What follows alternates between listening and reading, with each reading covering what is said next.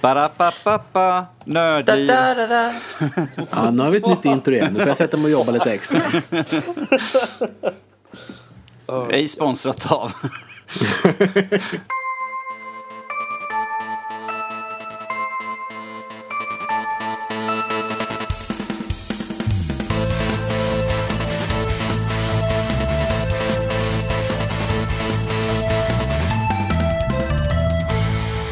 Hej och välkomna till Nördliv, en podcast om spel och nörderi av alla de slag.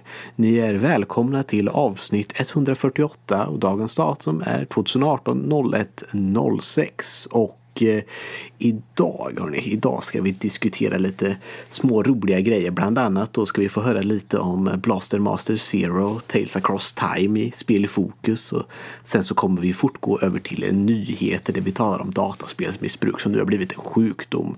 Även om lootboxes på App Store måste redovisa lite viktigare sina chanser. Sen kommer vi till veckans diskussion där vi idag ska tala om JRPG. Vad finns det för lite guldkorn där och vad var det som fick oss att upptäcka det? Den genren? Sen på övriga nördämnen så ska vi få höra om en klassiker, SG-1, lite Stargate där och sen så lite Black Mirror och sen avslutar vi med lyssnarfrågor. Och eh, med oss idag för att eh, ta del av detta så har vi då eh, Danny, Rob, Sara och Louise. Välkomna allihopa! Hallå. Hallå! Tackar, tackar. Wow! Vilken, vilken öppning liksom. Du måste ju hämta andan nu. Det förtjänar du. Det var liksom skitbra. Jag känner mig så taggad nu. Ja, det är bra. Det är Jag bra, satt det och är höll bra. andan hela tiden. Bara, wow. Ja, Helt max. Jag satt alltså, om Jag någon någonsin vinner en. Oscar eller award eller någonting sånt. Om vi, om vi nördliv någonsin vinner någonting sånt så är det Max som ska tacka. Alltså, jag tror, vi har ju aldrig låtit mer professionella har vi aldrig gjort i alla fall. Det, det är synd bara att Ja. allt vi säger just nu får oss att låta mindre professionella sådär.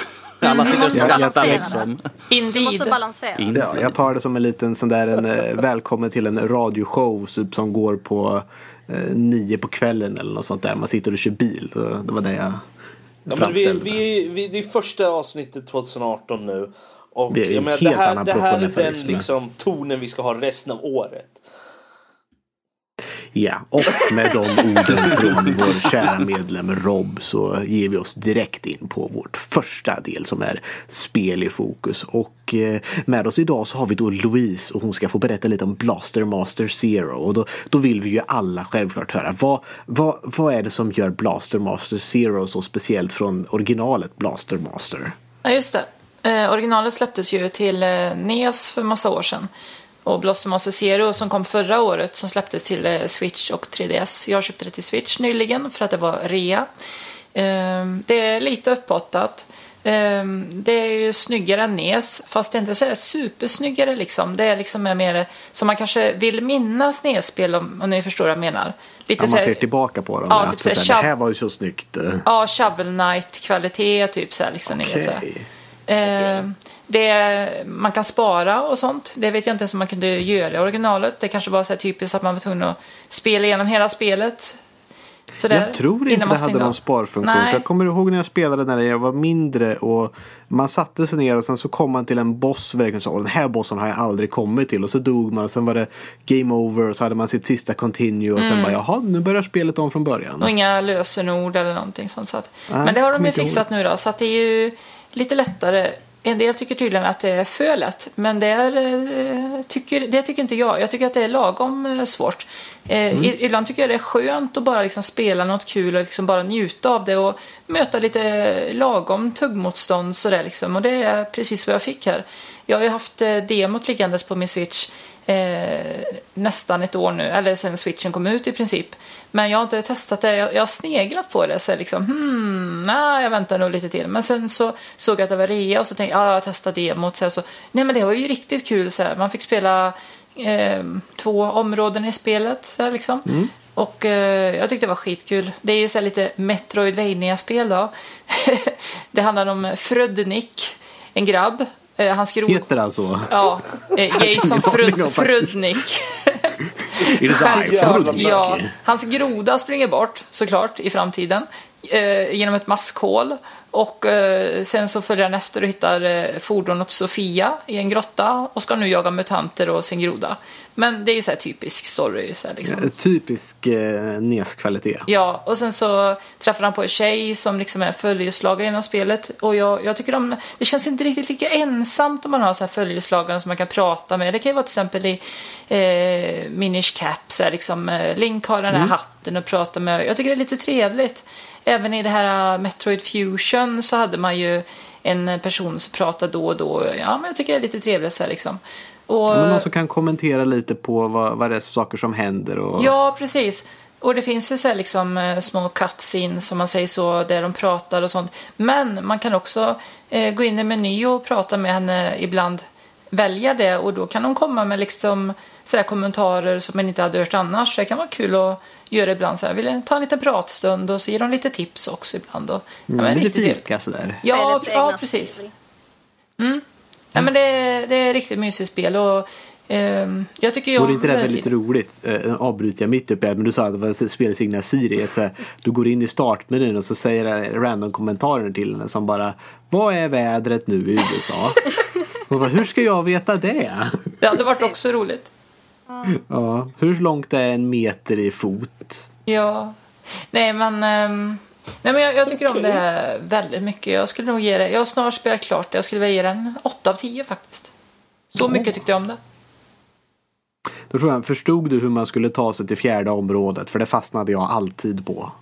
Eh, fjärde området, det var la... Det är där när du, när du får lära Ja. dig att flyga Ja, med... då ska man bege sig tillbaka. Precis tillbaka till början och Ja. sen flyga upp för en liten kant där. Ja, just det. Det kommer jag ihåg att det, det fastnade jag på när jag, kom, när jag spelade det här spelet när jag var liten. För att jag vet inte om de säger där någonstans att ah, nu kan du ta dig tillbaka till första området och ta dig upp. Men när jag var liten så förstod jag inte engelska. Och eh, då, då var det väldigt så här att jag fattade inte vart man skulle åka. Jag tror jag åkte runt i hela banan hur många gånger som helst. Jag var expert på det här spelet tills man kom till det nya området. För att då, då kunde jag allting utan till. Mm. Nej, men eh, det är riktigt trevligt. Och ap- apropå eh, område 3 då, som är med demot. Musiken på den här banan, gud vad bra.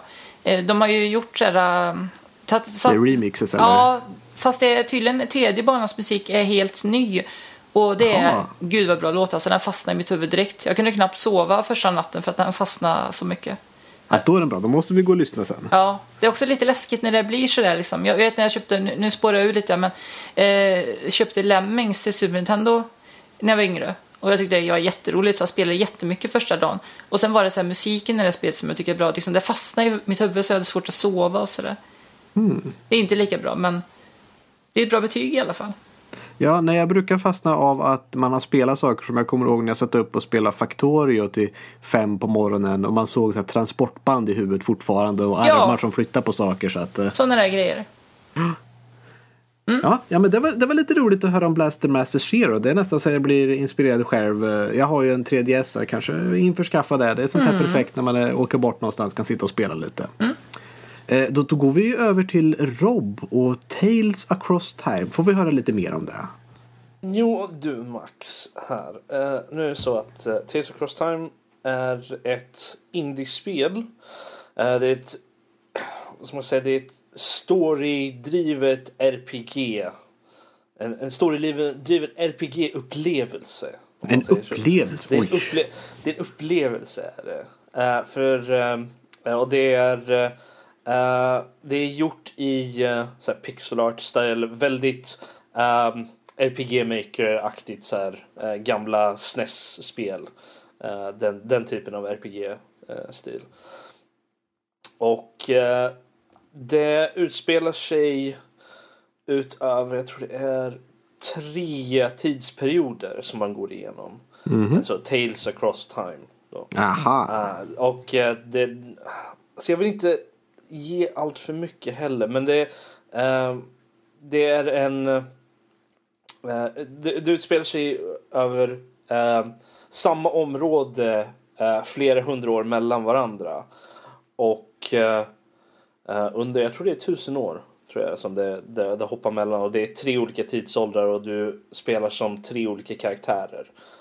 Okej, det är inte samma karaktär som Nej, det, åker det är igenom inte en tiden. tidsresegrej eller något sådär utan det är alltså det, det är tre olika karaktärer under tre eh, eh, års, eh, tre, ja, tre år. Vad ska man säga? eh, sekvenser då.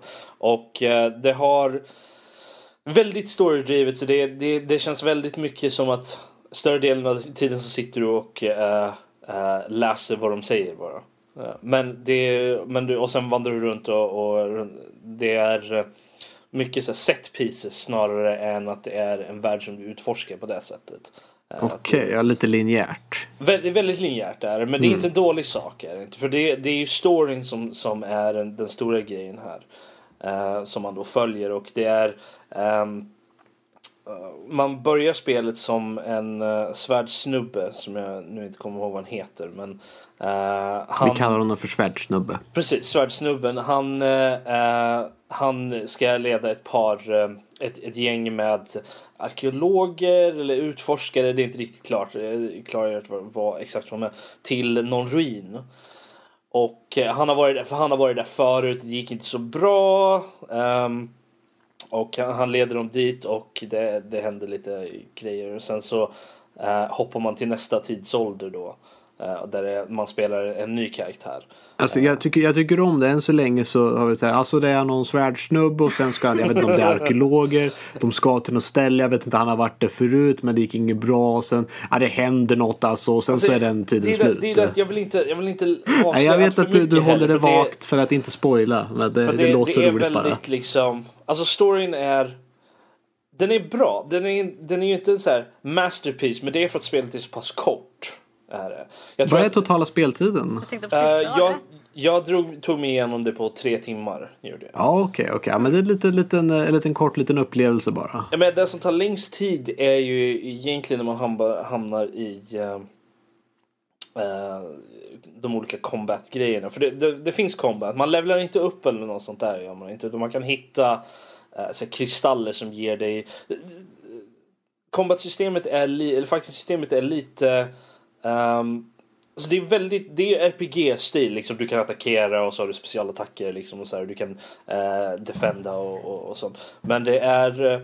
eh, um, du... eh, systemet ändras lite beroende på vilken tidsålder du är i. Så när du går vidare så, så får du nya, så är det andra saker. Du, du spelar en annan karaktär, du har, inte- du har inte samma skills och sånt. Ja, du har ju lite andra förmågor Och på du- olika du har karaktärer då- kan jag tänka mig. Du har HP och AP, vilket är då energi. Action point. Ja, eller energi som de kallar det. Jag vet inte varför. Av någon anledning så står det AP men de kallar det för energi. Gör de. Så jag vet inte. eh, det är en sån grej som de, har, som de inte kunde ändra på på något bra sätt antagligen. Um, Nej, det är ju flera bokstäver, det är svårt. Ja men precis, jag vet inte riktigt vad, vad problemet var där. Men i alla fall, och då, du kan spendera de här en eh, AP då för att göra skills, alltså skillattacker.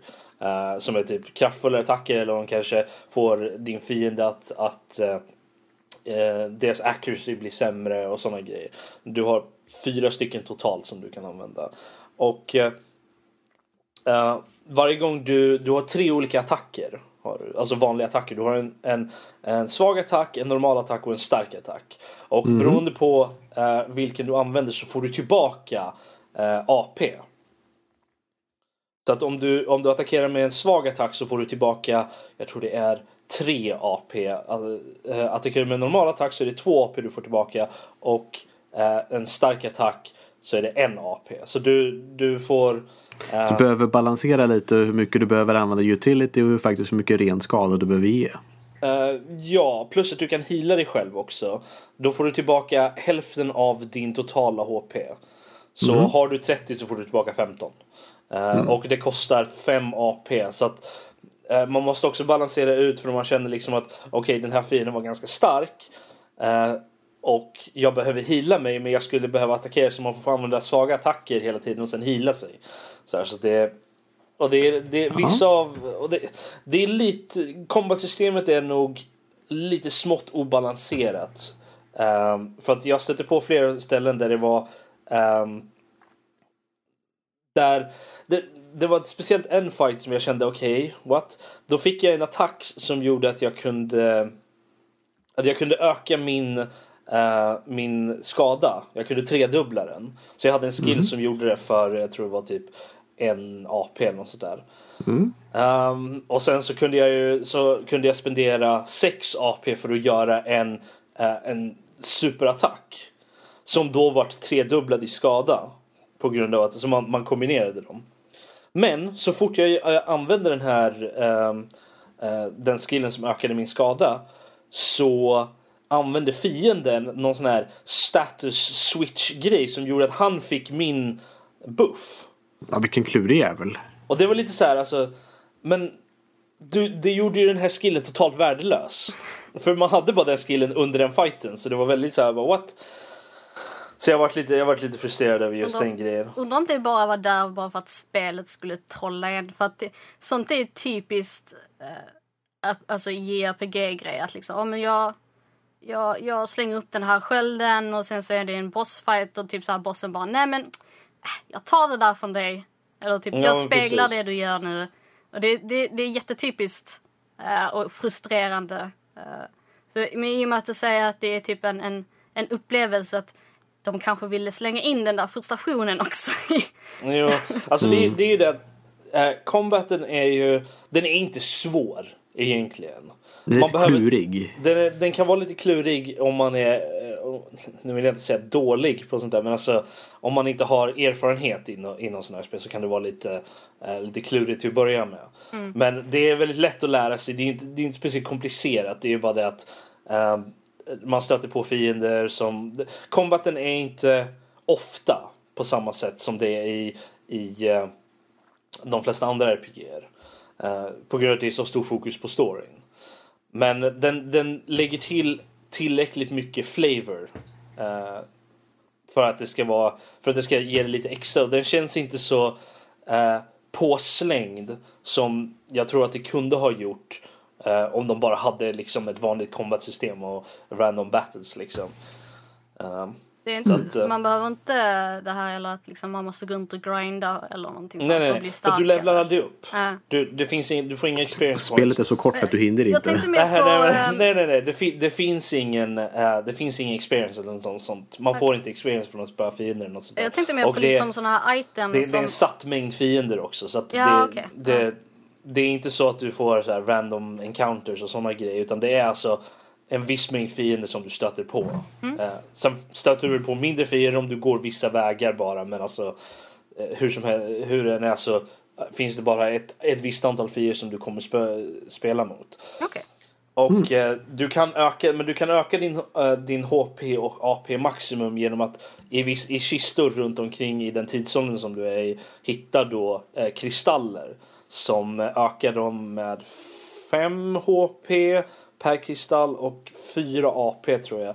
Första, jag tror att det är mellan 3 och 4 kristaller och eh, de de stöter man på om man är en sån som utforskar, vilket jag är, istället Mm. för att bara gå okej den här vägen hit jag ska, så kommer man hitta dem ganska enkelt. Okej, så det är liksom... De är på satta ställen helt enkelt. Men så eh, Allting så är väldigt lin- Jag tycker linjärt. storyn är Storyn är definitivt den starka punkten i det här och även om jag, jag, jag fann mig själv och, och tänka det att det känns som att vissa delar i storyn är lite rushade.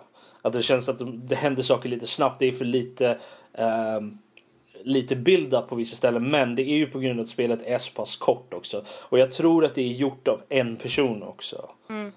Så Okej. att eh, ehm, det, är, det, det är väldigt imponerande och väldigt bra för, ehm, för vad det är. Eh, väldigt, po- Okej. Jag är väldigt positiva. Är det något du skulle rekommendera att folk införskaffar och vart kan de få tag på det här? Eh, Det finns på Steam. Jag skulle definitivt rekommendera det om man gillar storydrivna spel. eh, och just eh, det, det är en viss nostalgikänsla också på grund av hur det ser ut också. Det är ju den där SNES-stilen på, på det. Har man, har man sett något RPG Maker-spel så vet man ju ungefär hur det ser ut. Så jag, jag kan tänka mig när det gäller upplevelser som eh, och i RPG Maker, det, det jag kan tänka på är liksom To the Moon till exempel. Att det är lite... Mm, men det, det är väldigt, det, det, ser, det, det är väldigt likt det, alltså Mm. i, i stil, eh, utseende. Men det är inte exakt, den har en egen så här nej, nej, To the Moon hade ju knappt någon, eh, någon combat eller någonting sånt heller. Utan, men det var, ju liksom, det var ju storyn som drev. Och jag tycker sådana spel är ju rätt intressanta så jag tror Mm. jag tänker skaffa in där. Ja. Eh, som sagt, det finns på Steam. Det kostar eh, 299 euro. Gör, Så Wow. det, det är inte så jättedyrt. Där, det inte. Och vill ni veta mer så kommer Rob ut med sin strategy guide på det nu. Vi har hört exakta nummer på exakt hur mycket HP, AP man får och vart man hittar alla gömda kister. Så att, Vet du om det finns på någon annan plattform eller är det bara... Ehm, jag är inte jättesäker. Jag tror att det är möjligt att det kanske finns på Google eller något sånt där också. Men eh, jag är inte säker faktiskt. Så det, det är PC också? Eh, Alltså det, det är. PC. eh, jag tror inte det finns till någon annan eh, plattform. Jag försökte hitta hemsidan för den men jag kunde inte hitta den nu. Men som sagt, alltså det är bara att söka på det och se om det finns. Men jag tror, jag tror helt ärligt inte att det finns på någon annan plattform än PC. Okej. Men jag kan ha fel. Då tar jag och avbryter dig där och förklarar spel i fokus avklarat. Och sen så ska vi vidare in på nyheter och det blir en kort liten nyhetsuppläsning. Jag tänkte en liten informativ eh, session här då eh, bland annat av att eh, data och tv-spelande tolkas nu som missbruk av WHO vilket är, om jag bara får gissa utan att ha lärt akronymer skulle jag säga World Health Order skulle jag kalla det för. Jag var nästan rätt. Ja, ja nästan. att, ja. Men World He- Health Organization. Ja, de, de har nu i alla fall klassat data och tv-spelande som en sjukdom. Så att eh, ni vet att det är inte bara att vara deprimerande och säga att ni inte orkar utan ni är faktiskt sjuka nu och eh, det här måste vi ta medicinsk hjälp för. Så att snart får USA ta fram en massa antidepressivpiller och tjäna jättemycket pengar på er. Jag, måste, jag måste flika in här och säga Max att det är inte dataspelande rent allmänt utan det är ju alltså när det, kallar, när det kommer till tv-spelsmissbruk. Alltså. Ja, alltså det är missbruk eh, som eh, Så det, så det är inte bara sitter du och spelar så att vi, vi är inte eh, sjuka för att vi, vi har ingen Jo, mental nu är jag sjukdom sjuk, för jag att, ska ha bidrag. för att vi sitter och spelar Det, det är mest liksom så att det klassas som, alltså att man kan komma in i ett missbruk av det. Som, Ja. ja, som till exempel andra spelmissbruk. Eh. De har, de, har, det- de har ju här liksom en klassificering, en del av klassificeringen här som jag tänker läsa upp här. Missbruk av tv-spel karaktäriseras av ett mönster av ständiga eller återkommande spelbeteenden som kan vara online eller offline och manifesteras av 1. Försämrad kontroll över spelande. Vilket sitter i flera dygn. 2. Spelandet prioriterar högre än andra aktiviteter och intressen. Ja, är det ett bra spel så är det klart att man vill sitta kvar där. 3. Eh, Fortsättning är eskalerande av spelandet trots förekomst av negativa följder. Ja, jag spelar det här spelet i fyra dygn, jag har inte ätit, jag har inte tvättat mig. Jag tror, jag tror att det är väl kanske lite mer att jag förlorade mitt jobb, Typ. jag har min familj liksom allt sånt där. Det, det, Jag- det, jag det är ju som ignorerar gambling. Liksom. Jag har Ja. egentligen inte råd att fortsätta spela, man gör det i alla fall för att det är liksom någonting i mig som triggar. Liksom. Det är den här liksom, eh, det är ju vanligtvis den här att jag, vill, jag har den här lilla kicken att jag vinner eller någonting, så det går bra i ett spel, jag vill bara fortsätta och det är ju det som är problemet. Mm. Det är väl där jag tror att de har gått på att ifall man sitter och spelar för mycket fast det inte är bra för en. En eskapism, alltså escapism Mm. och så här. Men att Fast skaffa... escapism är ju inte nödvändigtvis dåligt där. ju Nej, nej, givetvis inte. Men det blir ju dåligt när själva ens escape, eh, escapism påverkar eh, en från liksom, det vanliga livet så att säga. Att man Men att förlorar till- jobb och sådana Men att tillbringa sommaren med att ta 1800 korockfrön i Zelda, det är väl normalt? Ja, Ja, ja, ja. ja. Ja, ja, Ja. alltså det är inget problem. Det, det, Hon är sjuk! Eh, Det här, det här är ju någonting som ESA har, har liksom motsatt sig stenhårt emot. Eh, ESA är Electronic Software Association. Eh, det är de som har, tar, eh, ska, gör E3 och sådana där. De är ju alltid inom spelindustrin. Och de, de gick ut och sa då till eh, Världshälsoorganisationen så har skrivit här en kommentar. Genom att sätta en officiell stämpling, eh, stämpling trivialiserar riktiga mentala sjukdomar som depression och social ångest, vilket förtjänar behandling och den medicinska communityns fullständiga uppmärksamhet. Vi uppmuntrar WHO att dra tillbaka sitt beslut. Så så ungar, fortsätt spela nu. Bry er inte om det där. Ni är Alltså inte jag, sjuka. jag måste säga att jag håller inte med om det. Utan jag, jag känner att det här är... Alltså jag är lite on the fence men alltså det är ju en positiv sak på något sätt. För vi har ju hört om saker tidigare som typ så här World of Warcraft addictions och sådana grejer. Där folk har varit tvungna att gå i liksom så här rehabilitering för att komma ur skiten och sånt. Så det är ju uppenbarligen en sak. eh, Alltså en, en riktig, ett riktigt fenomen. Mm. Jag, jag bara tycker att det, det, det är klart att det ska klassas som ett spelmissbruk. Jag menar... Mm. I extrema ja, fall då? Ja, ja, ja. precis. Jag menar, jag säger inte att gaming i sig är ett, ett missbruk. Men det finns ju extremt många människor som har liksom hamnat i, alltså som har missbrukat liksom spel för att typ det är det enda som ger dem en kick.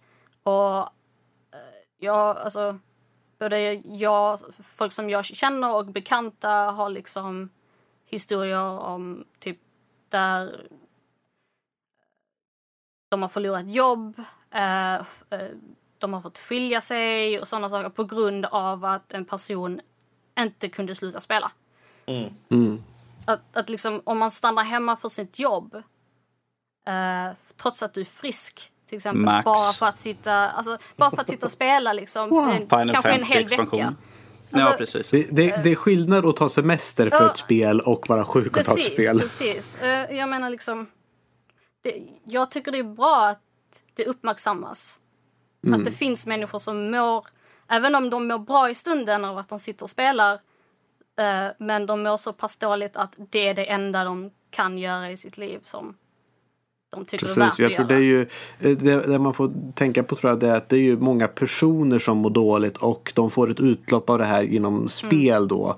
Så att det är ju inte i sig ett spelets fel i sig självt nej, utan det är ju personer som mår dåligt som då spenderar sin tid och spelar som inte gör saken bättre utan de borde få hjälp på annat Precis, sätt. Precis, det, det gäller ju bara att bryta ner det. heter som sagt tv-spelsmissbruk vilket mm. missbruk är den, den man ska mest inriktas på att, sure, vi alla spelar spel. Vi har ju olika hur mycket vi spelar och sånt där. Men att när det kommer till själva ordet missbruk, det är där som tyngden faller. Att liksom, när du missbrukar, liksom, att du tar och sätter spelandet före det som du bör göra mm. eller det som gör att du kanske mår bättre. Till exempel om du har en psykisk sjukdom och du liksom bara gräver ner i tv-spel. Då blir det ju, där har du ett problem istället för att söka hjälp för det. Mm. Uh, det är ju där man bör så, i så fall se liksom att här i ligger problemet. Det är ju inte själva, det är ju inte att de har dragit liksom alla, äh, du spelar spelspel, ja men då är det tv-spelsmissbruk. Det är ju inte så. Utan det är liksom de här extrema fallen. Som till exempel, vi hade, det var ju någon som dog av att ha suttit i Oh, jag vet inte hur, hur länge han suttit och spelat för spel. Han har suttit ja. för länge och dog liksom i stolen. Eh, ja. För att de inte hade gått och, och ätit, de hade inte tagit och vilat eller något sånt där. Så vi hade ju, det, det var, ju någon, det var, det var, det var, en, det var en streamer som, som som dog ganska ja, nyligen. Ju. Så han satt och streamade, sen gick han ifrån från dem så, och sen liksom kom han aldrig tillbaka och folk undrade vart tog han vägen och sen fick de senare veta liksom att eh, någon kompis hade liksom ringt dit och åkt iväg för att träffa honom och sett att liksom, han hade avlidit i lägenheten efter att han hade haft en jättelång välgörenhetsstream var det också han körde. Vilket var väldigt mm. tragiskt i sig för han gjorde någonting bra och sen liksom avled han efteråt. Så det gäller ju liksom att ifall man har folk som spelar för mycket, då börjar man upp precis som allting annat. Är det någonting man gör för mycket, kolla så att det inte liksom blir ett missbruk, att man går till överdrift. Det är ju där problemet ligger i. Ju. Alltså jag kan säga, jag sitter och spelar väldigt mycket, men det, det är ju jag tycker om spel, vi sitter och pratar om spel. Men samtidigt är det också spel kan vara skönt att komma bort från verkligheten. Eh, som till exempel i höstas, då gick min far bort och då grävde jag ner mig i Assassin's Creed Origin och liksom spelade där bara för att liksom komma bort från verkligheten, från den här svåra, jobbiga, liksom, verkliga grejen eh, som fanns runt omkring. Bara, liksom för att få, bara få bort tankarna och då kunde man liksom spela vara en bra där. Så där kan man se att det är en bra sak. Men att ifall jag hade fortsatt och inte kommit ur, liksom, bara suttit och spelat, liksom, jag vill inte komma tillbaka till verkligheten, sånt, då är det ju ett problem. Då hade ja. det blivit ett missbruk om man säger Då hade det blivit ett missbruk. För det är en verklighets... För, uh, vad heter det? Verklighets inte fördrivande, ja, Verklighet, ja. verklighetsflykt. Ja. Från mm. liksom, jag vill inte vara kvar i, i, mitt normala liv utan jag vill liksom gräva in mig i min karaktär liksom, och låtsas att det, det, här är mitt liv för att komma undan det jobbiga, det svåra. Men det är liksom där man då i så fall måste sätta in en instans och få hjälp, söka hjälp, prata med någon psykolog eller något sånt där. Ja. ja. Jo, men det, det håller jag definitivt med mm. Jag spelade World of Warcraft jättemycket när jag mådde skitdåligt för några år sedan. Och jag, jag mm. märkte själv att typ, okej okay, nu sitter jag och spelar det lite för mycket. Och jag menar, jag... Jag kan fortfarande vara sugen till, på att spela det men jag vågar inte riktigt börja spela det. det, låter som, det låter som Lotta lite grann. Alltså. Nej, men det, det, är liksom det att jag... Tänk om jag börjar må dåligt, jättedåligt igen och så typ finns World of Warcraft där och så tar jag inte mig ur det igen liksom. Mm. och det... Jag kan ju förstå eh, att online-spel eller MMO RPG eller vad det nu är. De är ju verkligen, det, det är, där är det ju verkligen en fälla för att eh, där kan man ju också få det sociala. Mm. Ja, Så du man får ju sociala där alla träffas. Och, Och liksom, ja. Jag vet, Precis. Jag vet ju att jag läst att, jag för mig att jag läste att Asien har ett väldigt stort tv-spelsmissbrukproblem. Har de Eh, speciellt, ah, jag försöker komma ihåg vilka länder det var nu. Jag tänker på där det- Sydkorea. ja, jag tänker Ja. också på Ja. Sydkorea. Men där det kan vara väldigt stor press på att barn ska, eller unga, liksom tonåren ska prestera väldigt mycket. Att det sätts mycket press på dem att de då flyr till ett spel istället. Mm, Japan har ju också en hel liksom, subkultur som är typ så. Ja. Vet jag. Och, Men de har en hel liksom, kategori av folk som bor hemma som bara spelar spel. Liksom, de har ett namn för sådana personer och liksom, det klassas som en sjukdom för väldigt, väldigt länge sedan. ja. Jag har ett annat namn för det. Mig. Precis. Mm. Alltså, alltså jag, jag förstår ju mycket väl vad Världshälsoorganisationen... Jag tycker det är ett bra initiativ. Det jag tycker det är bara synd att folk ser det som en sån negativ klang. Med, för att Ja, missbruk är ett missbruk. också. Precis. Det kan missbrukas. Det kan liksom, för att vi har alltid haft att spelande har liksom setts negativt på. Sitter och spelar mycket, du är liksom, det är inte bra förrän du måste komma ut i verkligheten. Eh, jag vet att jag har Fredriks dotter, hon sitter och spelar mycket Minecraft och sånt där. Och man kan tycka liksom, hon sitter bara hemma, hon gör inte. Men grejen är att hon träffar massor med folk, hon pratar med, med massa människor. Hon är väldigt social på det sättet. Så jag tycker det är en bra sak. Hon, träffar, hon kan prata med massor med nytt och intressant folk. Även om de inte träffas fysiskt. Så det är liksom att träffa, jag har massor med folk som jag har liksom spelat med som jag träffar liksom online. Vilket jag tycker är skitkul. Liksom, att träffa folk från hela världen. Men det är liksom som sagt, när vi kommer till pudelns kärna. Woff, woff. Eh, Att liksom, när det går för långt. Det är, Ja, då, det är det, är som då, alltid. det, är då jag tycker, det är då jag tycker det är bra att de har här, att vi, vi har någonstans vi kan i så fall se liksom att vi måste göra någonting. Och det, det tycker jag är det, det som är bra. att Precis som allt annat, det kan gå till, vad som helst kan gå till överdrift och då är det bra att liksom, det finns någonting vi kan göra åt det. Det enda, det enda jag kan se som är... Nu, nu säger jag, som sagt, jag, jag tycker det här är en bra, ett bra initiativ och så, men det jag kan se som är problematiskt är att folk som inte förstår spelande överhuvudtaget, liksom förstår inte hela det här med, med tv-spelskultur överhuvudtaget eller whatever, kan se bara att spela lite som att, åh nej men, han är missbrukare. Han kan inte, det går inte, det är liksom, Ja, men det, det är de ju rädda för. Ja, men precis. Det, det blir ju hela den här liksom, ah nej men tv-spel är farliga grejer liksom. Folk blir mördare och allt sånt där liksom. Det här, ses, det här blir ju en validering på något sätt för, för de människorna då. Uh, Det är en validering alltså, för dem i deras verklighet. Eh, Ja, och de kan ju typ bara läsa titeln och inte verkligen liksom sätta sig ner och läsa hela eh, ja, vad det baseras på och sånt. Och det kommer alltid vara folk som kommer se det här negativt och det kommer alltid vara folk som kommer använda det här mot eh, att, att försöka liksom bekämpa videospels eller dataspelskulturen. Och det är synd. Eh, men eh, tyvärr Det kommer alltid det, finnas det kommer där. alltid finnas som sagt. Och, det är ju liksom som de här, alla de här anti-vaxxers till exempel. att ja, Där var typ en rapport om, typ, som var falsk. Eh, och nu så säger alla, nej men typ åh, vacciner de, de är farliga. Men nej, det är de inte. Bara för att typ en kändis sa att, att, att, att eh, man inte skulle vaccinera sina barn så betyder det inte att det var, vaccinationer är, är farliga. det var ju en förfalskad rapport. det Precis, Det falskad var rapport av en doktor som inte var en doktor typ. så här, ja, så eller att, någonting så. Det, alltså det, och det, men det här är liksom... Det här spelmissbruket, det finns ju en grund. Och jag tycker bara det, det är konstigt att det tagit så lång tid för, eh, för att det har kommit. Jag tycker det är bra att det har kommit för att eh, nu finns det ju grund till att ge de människorna som behöver hjälp för att komma ur det här. Mm. Eh, Nu finns det liksom belägg för det. Precis, det blir enklare att söka liksom, hjälp. Förut var det liksom, ifall man går, gått in till läkaren, alltså doktorn, jag, jag är spelmissbrukare. Nej, det finns Nej. inget sånt. Och nu finns det liksom, du kan kolla upp, liksom, aha, men det finns här faktiskt. Det är liksom, det, det legitimiserat att du kan gå in och säga liksom, att jag behöver hjälp mot mitt spelberoende. Och det är ju inte och då bara inte, och liksom då inte stänga av. sånt med pengar eller något sånt där som typ Precis. online Nej, precis. utan Det nu är det inte liksom så att, eh, tv-spel.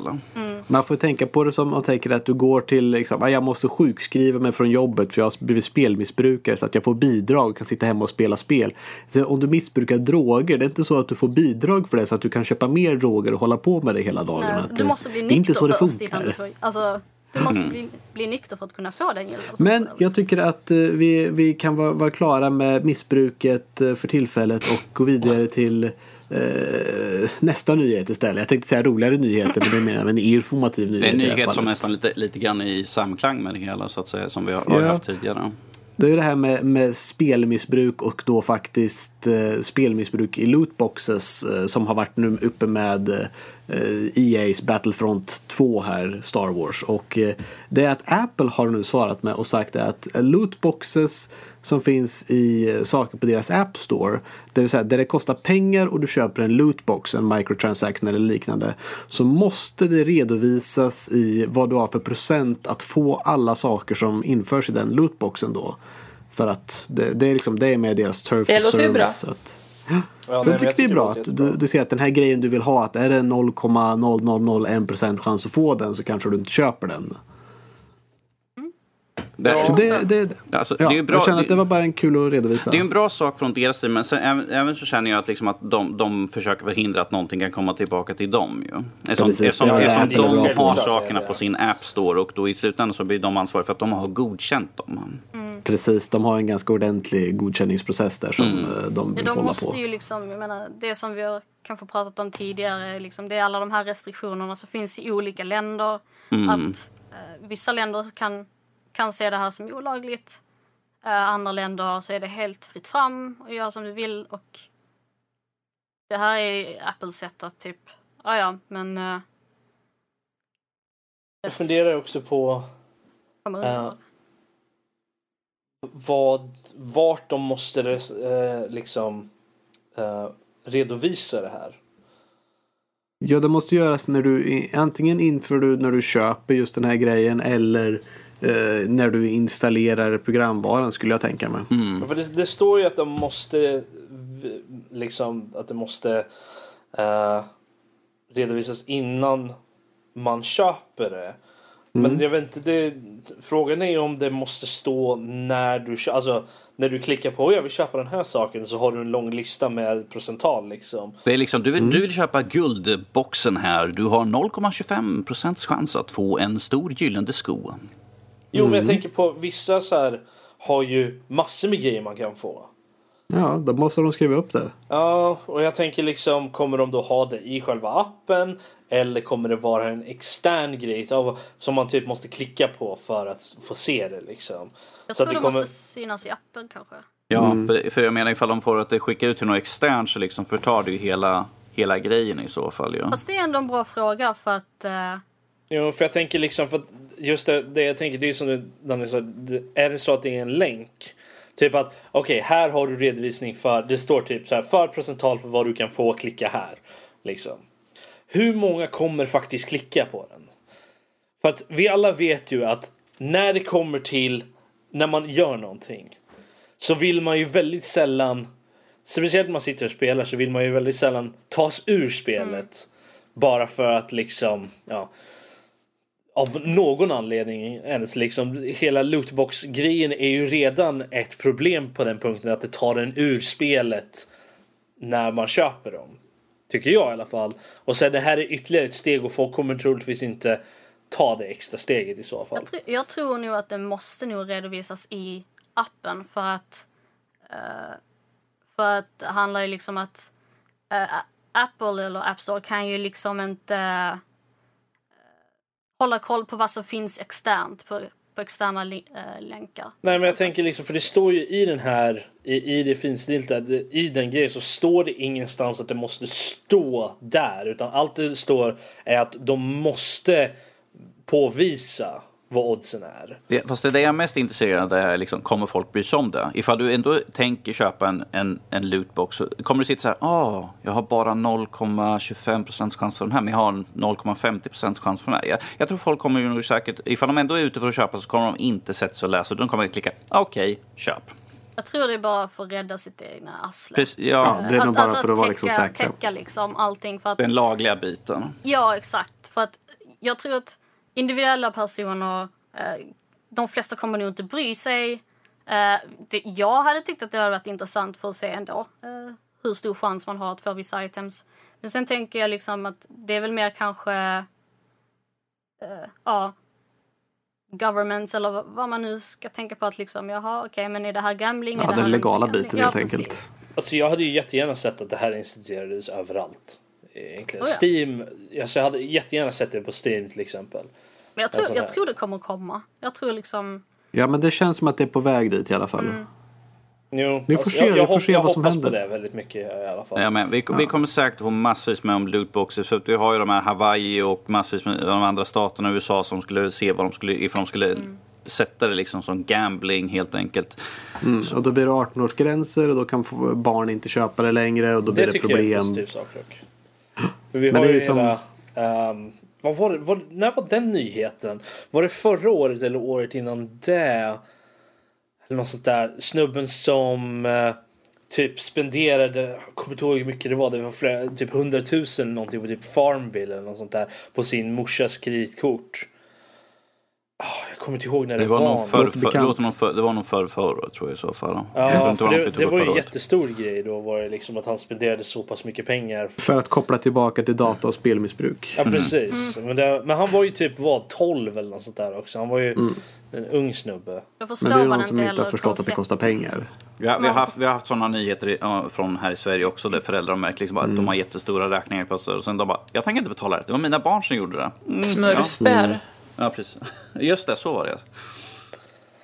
Ja. Ja, nej, men det var det med lootboxes i alla fall. Jag tycker att nu har vi gått igenom dessa tragiska nyheter. Vi kommer, och, komma, eh, vi kommer komma tillbaka till det flera gånger i år ändå. Det så. kommer säkert igen. För att nu ska vi röra oss mot bättre nostalgiminnen och nämligen veckans diskussion. Och den här veckan så ska vi diskutera JRPG och det vill säga de spelen som fick oss primärt att upptäcka genren och de våra favoriter, de guldkornen som finns. Nu ska vi mysa och gå i barndom. Kan jag bara påpeka att vi, vi är halvvägs igenom avsnittet typ. Och Max har gett upp på hela den här professionella radio... Jag gick tillbaka, radio- precis tillbaka in i mysfaktorn nu. Hej och välkomna till mysfaktorn. Anyway. Stranger danger, stranger danger. Good. Danger Will Robinson. ja, precis. Danger, danger. Stranger Will Robinson. Men som sagt, jag tänker, jag tänker gå uppifrån i, i listan som vi har här. Där vi alla namn är uppspeltade fint och snyggt. Och då börjar vi faktiskt med Louise. Och Då, då vill jag veta, vad var det som fick dig att ge dig in på JRPG-genren? Oj, oj, oj. Alltså, eh, jag får börja med att säga att jag har ju mest spelat konsol i mina dagar. Eh, när jag var yngre så fanns det ju för mig då, det fanns två typer av rollspel. Det fanns rollspel på konsol och det fanns rollspel på dator. Och det på konsol, det var det jag var bekant med och det var ju då nästan uteslutande japanska rollspel som de kanske kallas nu då, JRPG som vi ska prata om. Ja. Det var ju till exempel på Super Nintendo då. Och det var ju även där som jag först kom i kontakt med det. Året var 1994. ja. Eh, året innan hade det första Final Fantasy eh, påstår de i alla fall släppts i Europa som hette Mystic Quest Legend. Eh, I USA hette det Final Fantasy Mystic Quest. Eh, och i Japan tror jag det hette Final Fantasy USA Mystic Quest. Och eh, det var väldigt Okej. bra för mig för att det var nämligen inriktat för nybörjare på RPG. Det, var, ett, det var ett enklare Final Fantasy skulle man kunna säga. Så att jag köpte det och jag tyckte att ja, men det här var ju kul. Så här, liksom, nu är jag redo för någonting saftigare. Och året därpå när jag var, jag tror det var vad heter det, i Göteborg, Kompassen kan det ha hetat eller någonting och så var det någon spelbutik där. Då fick jag syn på Final Fantasy 6 eller 3 då för det var ju nordamerikanska varianten. Och eh, en sån här adapter, converter, så man kan spela amerikanska spel på sin eh, europeiska SNES. Okej, det var alltså ett amerikanskt Final Fantasy 3 om man säger Ja, så. precis. För att eh, det kommer ju aldrig ut eh, i Europa eh, översatt. De släpptes väl inte förrän typ till eh, Playstation? Precis, Precis. jag, tänkte, jag kommer där till, till eh, hur jag upptäckte Final Fantasy-serien sen. Men ja, Ja. Eh, Och då köpte jag dem och så spelade jag. hade ju läst om det i kanske framförallt eh, Superpower, tidningen, uppföljaren till Nintendo-magasinet. Och eh, jag kände att det här är någonting alldeles extra redan eh, vid öppningsscenen när de går genom snön där och musiken. Och du spelar musiken. Ja, ni som har spelat det, ni vet vilken scen jag pratar om. Redan där kände jag att det här är någonting speciellt. Och- sen liksom så många karaktärer, storyn. Jag har aldrig blivit så eh, känslomässigt berörd av ett spel. Ja, det var fantastiskt. Den där operascenen senare och det var så... Det var så mycket liksom bara wow. Och sen kände jag att ja, men jag vill spela mer och sen så eh, fick jag tag på Chrono Trigger till SNES och det var ju också då typ fri adapter för det släpptes ju heller inte i Europa. Eh, sen kom det ju till Playstation 1 tror jag så Mm. till Nintendo DS finns en väldigt bra version av Chrono Trigger också. Finns Men det till det- mobil nu för tiden ju så. Ja, och Ja, sen, eh, och sen i och med Playstation 1 då så fick ju fler ta, ta del av det här i med ja, Final Fantasy 7 till exempel. Och, ja, och sen Precis. jag lätta lite på det där och även komma i Europa mer och mer spel. Så att det var väl min introduktion till den världen. Mm, ja, men det var kul att veta. Har du, har du något favoritspel verkligen? Att det här tycker jag att alla måste spela. Ja, ehm, några bra, det är just då Chrono Trigger. Eh, Ja, eh, en gammal oh klassiker. yeah. Jag tänkte när du gick igenom det, vilka liksom, jag började på den och så gick till den. Så det var, du går från klassiker till klassiker Ja. verkligen. Så att, Ja, sen-. Sen är det ju Final Fantasy 6 då, eller 3 om vi ska kalla det så. Och Final Fantasy 9 till eh, första Playstation. Eh, Skies of Arcadia älskar jag till Dreamcast, det är ett av mina favoritspel mhm. någonsin. Om, Ja. om vi säger så här, jag, jag, försök, jag är på, i ropet på att försöka skaffa in en, en, så- en bara för det här spelet. Det Ja, är men så det gör du bra. helt rätt i. Det gör du helt rätt i. problemet är att när jag kollar det här spelet, det ligger långt över tusenlappen bara spelet så att säga. Ja. ja. Ehm, det finns ju även Skies, Skies of Arcadia Legends till eh, GameCube, men det är också väldigt svårt att få tag på. Mm. Sen till Game Boy Advance kom det väldigt bra rollspel som heter eh, Golden Sun. Ja, Ja, men det är också en klassiker. Ja, väldigt avancerad för så liten maskin så att säga. Ja, som en liten handhållen. Ja. Nej men eh, sen finns det ju många fler bra förstås, men jag tror jag har nämnt mina favoriter nu. Mm, ja, men då, då, då går vi över till, till Danny Norskas här. Vad va, va, vad fick dig att upptäcka genre? Du, du kommer ju från en annan, nästan liten eh, åldersgrupp tänkte jag säga, men det är ungefär liknande. Eh. Vi ligger alla på ett ungefär likt, för att JRPG kom bara liksom i en viss tid mycket så här. Att Louise var just i framkanten där när man fick ta lite av de amerikanska spelen också. Där, Precis, så om, vi- om vi talar liksom JRPG och här borta så är vi ju mellan 80 mellan, om vi säger 90 till 97 så hade vi liksom egentligen de, de Precis. babyboomen av JRPG. Och det, jag satt och kollade där för på en spel som jag vet att jag har suttit väldigt mycket. Jag tar några exempel här då. Och då har vi ju NES Final Fantasy första. Eh, jag är som det inte kom hit förrän långt senare så körde jag det på en, en, amerik- på ett, en amerikansk rom på en emulator såklart. För att det, det fanns inte att få tag på. Jag kunde inte spela liksom en original för att det, det gick inte. Eh, Så, det blev ju mest på Super Nintendo som blev att jag spelade. Och då har vi till exempel Breath of Fire. Klassiker. Star, Också Star, klassiker. Star Ocean, här är säkert Sara som har spelat också. Pers, första Persona-spelet till Playstation. Eh, och sen såklart uh, Chrono Trigger. Det är alltså, de mesta spelen som jag introducerades var ju liksom då utav Square och Enix, vilket nu för tiden är Square Enix. Men jag, jag, jag, jag, Squeenix. spe, precis, Squeenix. Men jag spelade liksom spelen när de var liksom de separata företagen innan det gick. Så det är ju väldigt mycket av de spelen som jag har liksom vuxit upp på. Så. Och jag körde liksom de här Final Fantasy på Game Boy. Eh, Så det var ju ganska kul på det. Men att det var ju de här eh, de bombastiska, om vi tar till exempel Final Fantasy 3 eller 6, hur du vill ha liksom den här stor storyline, mycket karaktärer, väldigt mycket text. Jag vet inte ifall folk skulle orka med. Eller, Extremt långt. Extremt lång Och text. det är liksom skulle så kunna här, bli en sitta och klicka. Så jag vet att Fredrik han skulle, Fredrik skulle sitta och liksom klicka som en idiot. Han bara skit i det här, jag vill bara komma igenom och spela spelet. Men att Mhm. jag, jag har liksom... eh, Jag tog tid, jag satt och läste allting. Jag satt liksom, gick igenom precis som jag nu för tiden. Jag gick och letade på alla. Jag bara, jag kanske kan hitta en kuk, jag kan hitta någon uh, potion eller något sånt där. Det finns en liten kista med potion uppe i hörnet bakom här när Precis. jag går runt Det ser skumt ut. Ah, jag kan gå utanför. Det är alla de här små hemligheterna och sånt där i spelen. Ja, och så gå och typ så här läsa upp på allting, som, alla de här små itemsen som man hittar. Bara, Precis. Så det går in i, i, i, eh, vad heter det?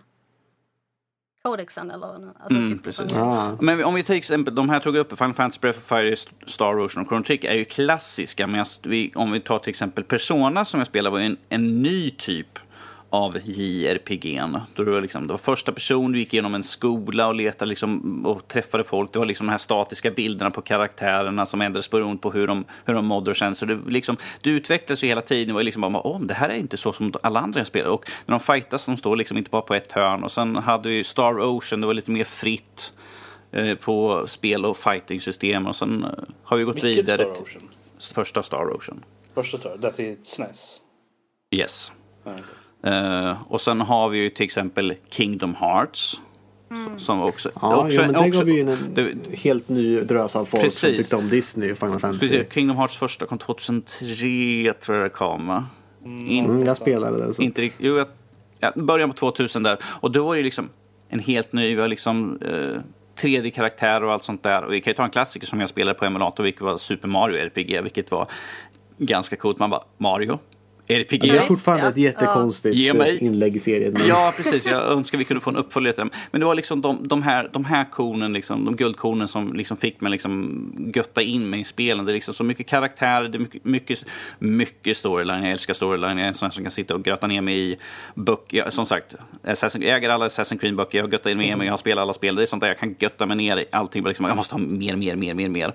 Som, Ja, som. Rob och Mass Effect eh, helt enkelt. Så. Men att det är liksom det är det viktigaste för mig i spel. Det ska vara en bra storyline, det ska vara karaktärer jag liksom kan förälska mig liksom, och bry mig om. Liksom. Final Fantasy 7 i dödsfall och sånt där. Man sitter liksom bara, nej, jag kan inte spela vidare. Jag vill inte, att, jag vill inte spela vidare i spelet. Hon, hon, nej, nej. Ladda en tidigare säger. Där händer Ja, det. precis, det här är, jag, kan, jag kan fuska. Jag, jag känner så här, jag är nog den enda som bara inte brydde mig om det. Du är kall. För, det, för i Kall. min mening så var inte det det, det sorgligaste i spelet. Jag, ska, jag kan hålla med om att jag tyckte jag har aldrig riktigt brytt mig om det heller faktiskt. Men jag- jag kan sen, berätta tycker, sen sen. gillar inte jag Nu, sjuan. nu tänker jag ta en referens med Ny Heartless.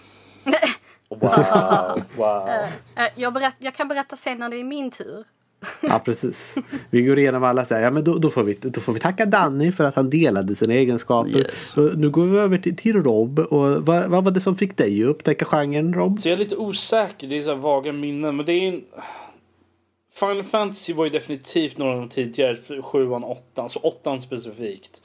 Okej, var, ja. var väldigt tidigt för mig. Jag vet också Chrono Trigger var också ett av de, det var ett av de spel som verkligen cementerade min kärlek för just tidsresegrejerna och det i, i, för jag har aldrig sett det förut i ett spel, en sånt där tids, jag åker i tid, åh coolt! Och, Då det fortfarande var unikt, där vi var unga och naiva. Vänta lite, gör de inte det i Day of the Tentacle också, reser i tiden? jo, men det, det är ju ju. Ja, just det. Ja, precis. Fan vad häftigt det hade varit om de hade gjort ett, Tidsresegenren. Det hade Mm. varit häftigt om de hade gjort ett RPG för det. Ja, jag, jag kan inte riktigt se hur det skulle funka, men ja. Nej, men, ehm, jag vet, Jag vet inte om jag skulle våga köpa, köra ett JRPG liksom, från Japan som heter Day of the Tentacle. Nej, om jag vill ge mig in på den linjen rundan heller. dagens bästa. Ja. Ehm, ja, nej, sen vet jag Soul Blazer var ju också ett av dem som jag körde väldigt tidigt. Jag vet inte, räknas Actracer som ett RPG, JRPG ens? Om, jag skulle nog kalla sådana spel för ac- mer action-RPG, typ Soul Blazer, Ja, där man springer omkring och slår saker, typ Secret of Mana och sånt. Så jag, jag har utelämnat dem ju helt. ett- Act, RPG då, Act för- Racer är ett JRPG. Ja. ja. Det är bara action det räknas som ett sånt, men det är mer, mer åt actionbetonat. Men det är fortfarande klassificerat som ett JRPG. Alltså. Ja, Det är intressant det där, för jag tänkte igenom liksom, vad är egentligen ett RPG eller JRPG då? Och jag tänkte lite att, ska det inte vara att det är flera, flera spelbara karaktärer? Det har väl blivit lite så skulle jag säga nu att när man tänker på JRPG så klassificerar man det som ett storytungt spel men ibland oftast turbaserad combat av något slag med liksom, där det är många karaktärer och ett party. Men egentligen så är JRPG liksom ett japanskt RPG så att alla RPG som kommer från Japan så att det är väl en betoning som har liksom ändrats som tiden har gått så att jag tror att nu ligger vi mer när vi tänker när någon säger att ja men det är som ett JRPG. Då är det liksom, ja, det är turbaserad combat eller eh, Alltså, liknande. Jag Men, tycker ju ja. ändå att eh, det behöver inte vara turbaserat för att det ska vara ett JRPG eftersom Nej precis. Alltså jag tror, jag, väldigt många JRPG som släpps nu eh, har oftast liksom eh, option att liksom ha, okej vill du ha turbaserat eller vill du ha realtid Det- eller det action? är ju- det är ju bara och det har ju alltid funnits metern också, man kan ju stänga av den. Precis, det är, bara, det, är bara, det är bara att se exempel. Final Fantasys utveckling genom tiderna. Liksom. Vi har ju gått liksom från den statiska, det stod på varsin sida, till liksom fri, fritt eh, springa omkring och liksom välja vad du vill göra. Så att. Alltså jag skulle väl egentligen klassificera ett JRPG förutom det uppenbara att det är från Japan. Så är det väl mer att de är väldigt, väldigt storytunga. De. Och de har, väl, de har ett ensemble av karaktärer oftast. Som Oftast har, väldigt unga karaktärer Ja också. men precis, väldigt, väldigt så här, unga karaktärer. Det är typ Det är ofta en så här eh, Heroes Journey typ av, av story oftast. Och sånt så att eh, det, det är väl nog mer typiska av JPG. Sen finns det ju oftast eh, Sen finns det ju alltid så här outliers också för, för just dem. Men, Självklart. men, eh, men ja. Jag, som, jag skulle som sagt klassifiera Soulblazer i alla fall och, och Terranigma vet jag för båda de körde jag på ehm, på SNES emulator och Actracer. De var väldigt tidiga för, för mig i alla fall. Um, nej, jag vet att jag körde och speciellt Soulblazer var ett sånt där spel som jag gick tillbaka och försökte hitta senare för jag inte visste vad det hette. Ja, du känner du har spelat, jag har spelat det här spelet, vad heter Ja, det? jag vet, man- jag har fortfarande man ett eller två sådana där spel som jag liksom bara, jag har ingen aning om vad det heter och jag kommer nog aldrig hitta dem i mitt liv Ja, igen. nej, men precis. Det var så här, jag satt så här, det var så här flera år liksom. Så här, jag bara, alltså, det, är ett, det är ett spel, du går ut, du spör monster och så har de så här sektioner du spör dem och så kommer det tillbaka byggnader och grejer. Och jag bara, kan inte hitta den någonstans. Så hittade jag till slut Soulblazer. Och, då, eh, och jag vet att jag spelat Terranigma lite också innan det. Men jag vet att jag körde genom både Soulblazer och Terranigma. Och sen är det ju Illusions of, of Gaia också som jag Eh, som jag också körde. Som de, de är, är ju typ en, en lös trilogi av liknande spel. Är de ju. Så att eh, de, de var ju väldigt formerade. Men jag tror att just de spelen som var extremt för, tidigt för mig var ju då Final Fantasy och uh, Chrono, Chrono Trigger. De var ju väldigt, de var mina formerade Mm, och RPG-spel. det var Final Fantasy 8 primärt då eller? Ja precis, det var ju det som jag, Men jag har ju kört allihopa. Alla som finns från Playstation och alla som finns på Playstation i alla fall. Jag måste fråga, vad tycker du om huvudkaraktären i Final Fantasy 8? Alltså när jag, när jag var yngre så var han ju liksom Din idol. Jävligt det, tuff. det är epitome of cool. Liksom. Ja, det är klart. Ja. Uh, det, det var liksom, jag hade liksom karaktärer som jag hittade på som var emulerade efter honom. Och så här. Alltså, När jag har blivit äldre så har jag insett liksom att ja, nej, men okej, han, är, han är inte så cool som jag trodde att han var men han är fortfarande en intressant karaktär tycker jag. Det, det är rätt intressant för att eh, jag satt och spelade Final Fantasy 8. Alltså jag, jag köpte ju det när det kom ut till PC faktiskt. Eh, Men sen så, vad var det, kanske förra året eller för förra året så tänkte jag ah, fan jag måste sätta mig ner och spela om det igen. Och jag bara hade ett helt annat intryck av karaktären. Eh, Jag fick ett helt annat intryck. Jag tyckte inte alls om honom när jag började spela honom igen. Tyckte, Alltså, tyckte du att han var en gnällig crybaby? Ja, ja men alltså att liksom, eh, ja. Men, eh, men det är väl lite, lite, det är väl ofta de är det i... eh, Ja, men det är lite av Final hans Fantasy. karaktärsutveckling. Han har, ju, han har ju en väldigt stark karaktärsutveckling i det spelet. Han har nog den starkaste karaktärsutvecklingen i det spelet överhuvudtaget. Så att, men jag, jag tycker fortfarande inte... Han, han är fortfarande inte lika irriterad som fucking Tidus från Final Fantasy 10. Alltså han är så Alltså- irriterande. Och jag tycker, jag tycker att Cloud från sjuan är också extremt så här gnällig. Men han skrattar inte på det jobbiga sättet i alla fall. Nej, det gör herregud. inte. Uh, och han Vi får se remaken sen. Ja. Ja, ja, nej, alltså, det ska ja. bli intressant. Ja, nej, Just så att den jag, jag vet scenen. inte. Ja, Ja, vad, vad har du för dina måste spela spel? Vad är guldkornen för dig Rob som säger att de här spelen måste du åtminstone köra? Ja, Final Fantasy, inget av Final Fantasy ligger på den listan måste jag säga faktiskt. Nej, okej, ja. Ehm, De är mer spel av sin tid Trigger kanske. är, är nog ett av mina...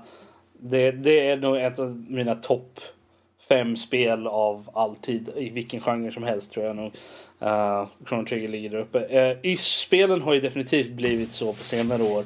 Även fast jag, jag, jag spelade, hade aldrig spelat ett YS-spel innan. Jag vill säga typ 2006, 7 någonstans där. Måste det vara. Jag vet inte, när, jag vet inte Danne, när skaffade du YS till ditt PSP? Kommer du ihåg det? Jo, början på 2000 någon gång måste det vara i så fall. Jag vet, jag, jag vet att jag inte körde det förrän jag var i gymnasiet i alla fall. Eh, det var då som jag körde det. Och det var Eh, typ må- 2006, måste vara, måste vara, jag fick den tror jag, jag fick min PSP när jag fyllde 20 så 99. Någon gång, någon gång 99 så därefter, därefter någon gång måste det ha varit. Ja, Jag vet inte, jag vet, men eh, i efterhand så har jag kört alla YS-spel som finns officiellt översatta. Och release finns då, alla finns ju på Steam och Playstation eh, Store liksom. Så, ehm, och jag har kört allihopa och de har blivit en väldigt stark um, favorite för mig. Vilken, Just för- vilken är just- din favorit av just spelen? Uh, alltså det är svårt. Alltså, de, är ju lite... Alltså jag gillade väldigt mycket senaste spelet, Lacrimosa of Dana. Uh, åttan då. Den gillade jag väldigt mycket. Men jag gillade uh, Memories of Zelzeta, det som var in, spelet innan det också. Um, alltså de har ju en väldigt intressant story och jag gillar... Även fast huvudkaraktären, han är ju en sån här silent protagonist, mångt och mycket. Um, så gillar jag ändå honom på grund av att han är liksom en äventyrare. Och hela det, jag, jag älskar verkligen hela den här äventyrsgrejen som spelen har liggandes i sig. Att det är liksom, han är inte en, en eh, så här, prophesied hero eller the chosen one på det sättet. Han, han, eller i alla fall inte på ett sätt liksom via profetier. utan Han, han ger sig ut, jag le, han letar verkligen efter de här grejerna. Så han, han, han är ju verkligen ute, han är äventyrare, han letar efter äventyren snarare än att de kommer till honom på det sättet. Ehm, och det, det är något som tilltalar mig- mig väldigt mycket. Eh, och sen att, de står, att historierna är väldigt intressanta och det är coola uh, fighter och musiken är liksom typ en blandning av lite så här trevlig musik och hårdrock typ. Så, att, så eh, ehm, Trevlig hårdrocksmusik. Rob, Ja, jag, precis. Rob, jag kollade upp en YS eh, 7 borde det vara i så fall som jag har på min PSP. Släpptes 2010. Så Mm, ja, efter, det så kan- efter, efter 2000 år, så jag hade rätt fortfarande. ja, ja, nej, nej, den du hade var ju... eh, Jag, jag kan gå till hyllan och kolla efter sex, det var sex du hade. Ja, fan. det, det är uh, Ark of Napishtim är det. Det är den. Everybody, I'll check. Så går han och kontrollerar. Rätt ska det vara. För jag vet att jag spelade, nu kommer jag inte ihåg vad det heter bara för det. För det är ett annat spel. Det kom inte till PC. Jag vet att jag spelade en så här OF, icke-officiell översättning till PC eh, när jag gick på gymnasiet. Eh, så 2007, 2008 någonstans där måste det ha varit som jag spelade den. Och, eh, men sen kom den faktiskt till PC ordentligt. Det måste ha varit den som kom till 2009, 2010 eller något sådär. För de finns ju alla på. Steam nu. Men för, för, för ett par år sedan så var det ju fortfarande att det tog tag för Ah, saker att komma ja. ut ibland som inte alltid blev översatt. Mm. Jag hittar det nu. Det är 2000... 2000... Fyra, fem någonstans. 2003, 2000... Mm, vänta. 2000, 2006 kom det ut. Mm. Okej, Ja, ja. precis. Det verkar som att stämma med våran timeline på ett ungefär. Yes. Nej, men alltså, de är ju mer action RPGs mångt och mycket är de ju i spelen men de, är, de ligger mig nära hjärtat i alla fall. Eh, Sen finns det ju en hel drös med andra RPG-spel och sånt där också som är, som är jättebra och som jag gillar också men det, är- de, de har inte fastnat lika mycket som just ehm, som både Chrono Trigger och uh, spelen. Mm. Eh, men då så, då har vi fått höra det från dig. Då, då kommer jag själv härnäst på listan. Ja Max, Eh, vad, eh, och- vad är ditt, vart började du någonstans? Ja, det förstår jag att jag började i tidig ålder. Jag tror att det första ordentliga JRPG jag fick tag på mig var Final, Fantasy 7. Jag fick ett, ett Playstation 1 då när jag fyllde mig lite. Det var fortfarande, jag var i ung ålder och eh, missbrukade nästan så här demoskivor som man fick på här, Ja, jag vet, jag eh, tidningar. Men jag vet inte hur många spel jag har spelat eh, genom dem. Eh, i alla fall så eh, det första riktigt ordentliga spelet där det var ju Final Fantasy 7 då och jag kan säga för att ge lite perspektiv på det. Jag kunde inte engelska som sagt. Så att man fick ju liksom ta eh, storyn genom vad som hände och karaktärernas väldigt begränsade rörelser. Och försöka liksom utvinna storyn därifrån. Alltså jag, jag, håller, Vilket- jag, jag håller fast vid att jag lärde mig mer engelska från eh, typ Final Fantasy än vad jag gjorde från faktiska engelska lektioner i skolan. Ja, och jag vet att jag, jag vet inte riktigt när, men jag vet att jag vet inte om det hände riktigt där men under Final Fantasys gång under tiden jag spelade Final Fantasy-spel så har jag lärt mig engelska någonstans men jag vet inte vart. För jag vet fortfarande att jag har spelat en hel del spel eh, där jag inte riktigt förstod engelska fortfarande men ändå började förstå mer och mer. Så att, jag, liksom, jag lärde ju mig själv engelska genom de spelen. Och saker som försöka spela Metal Gear Solid på Playstation och sånt också där de ändå talar engelska om man lär sig och liksom med text och alltihopa. Så det är ganska bra läroverktyg ändå. Men som sagt, Final Fantasy 7 började vi med. Eh, och eh, som sagt utan engelsk kunskap lite svårt men kombat var roligt. Det var mycket karaktärer, det hände saker. Det, det fasade fram en i alla fall på ett ungefär så att man visste vad man liksom... På, man hade väldigt mycket tid i den åldern. Man kunde gå runt och klicka på alltihopa. Man var ganska lättlärd ändå. Förstod lite vad saker var. Det var jättespännande att få materia. Och bara, Åh, jag har fått en ny materia. Jag undrar vad den gör. Och det var ju inte att läsa. Men vad gör bio till exempel? Alltså, gör poison. Det fattade man inte då. Utan man bara, jag provar provade alltihopa så här. Det här var skit. Den, var ingen, ah, den här skjuter eld. Den var mycket Ja, roligare. titta, den vi fienderna får gröna bubblor om för huvudet. Det, det, nu mår de inget bra. Mm. Ja precis, men så här, det gör ju ingen skada. Den skiter vi, den kastar vi.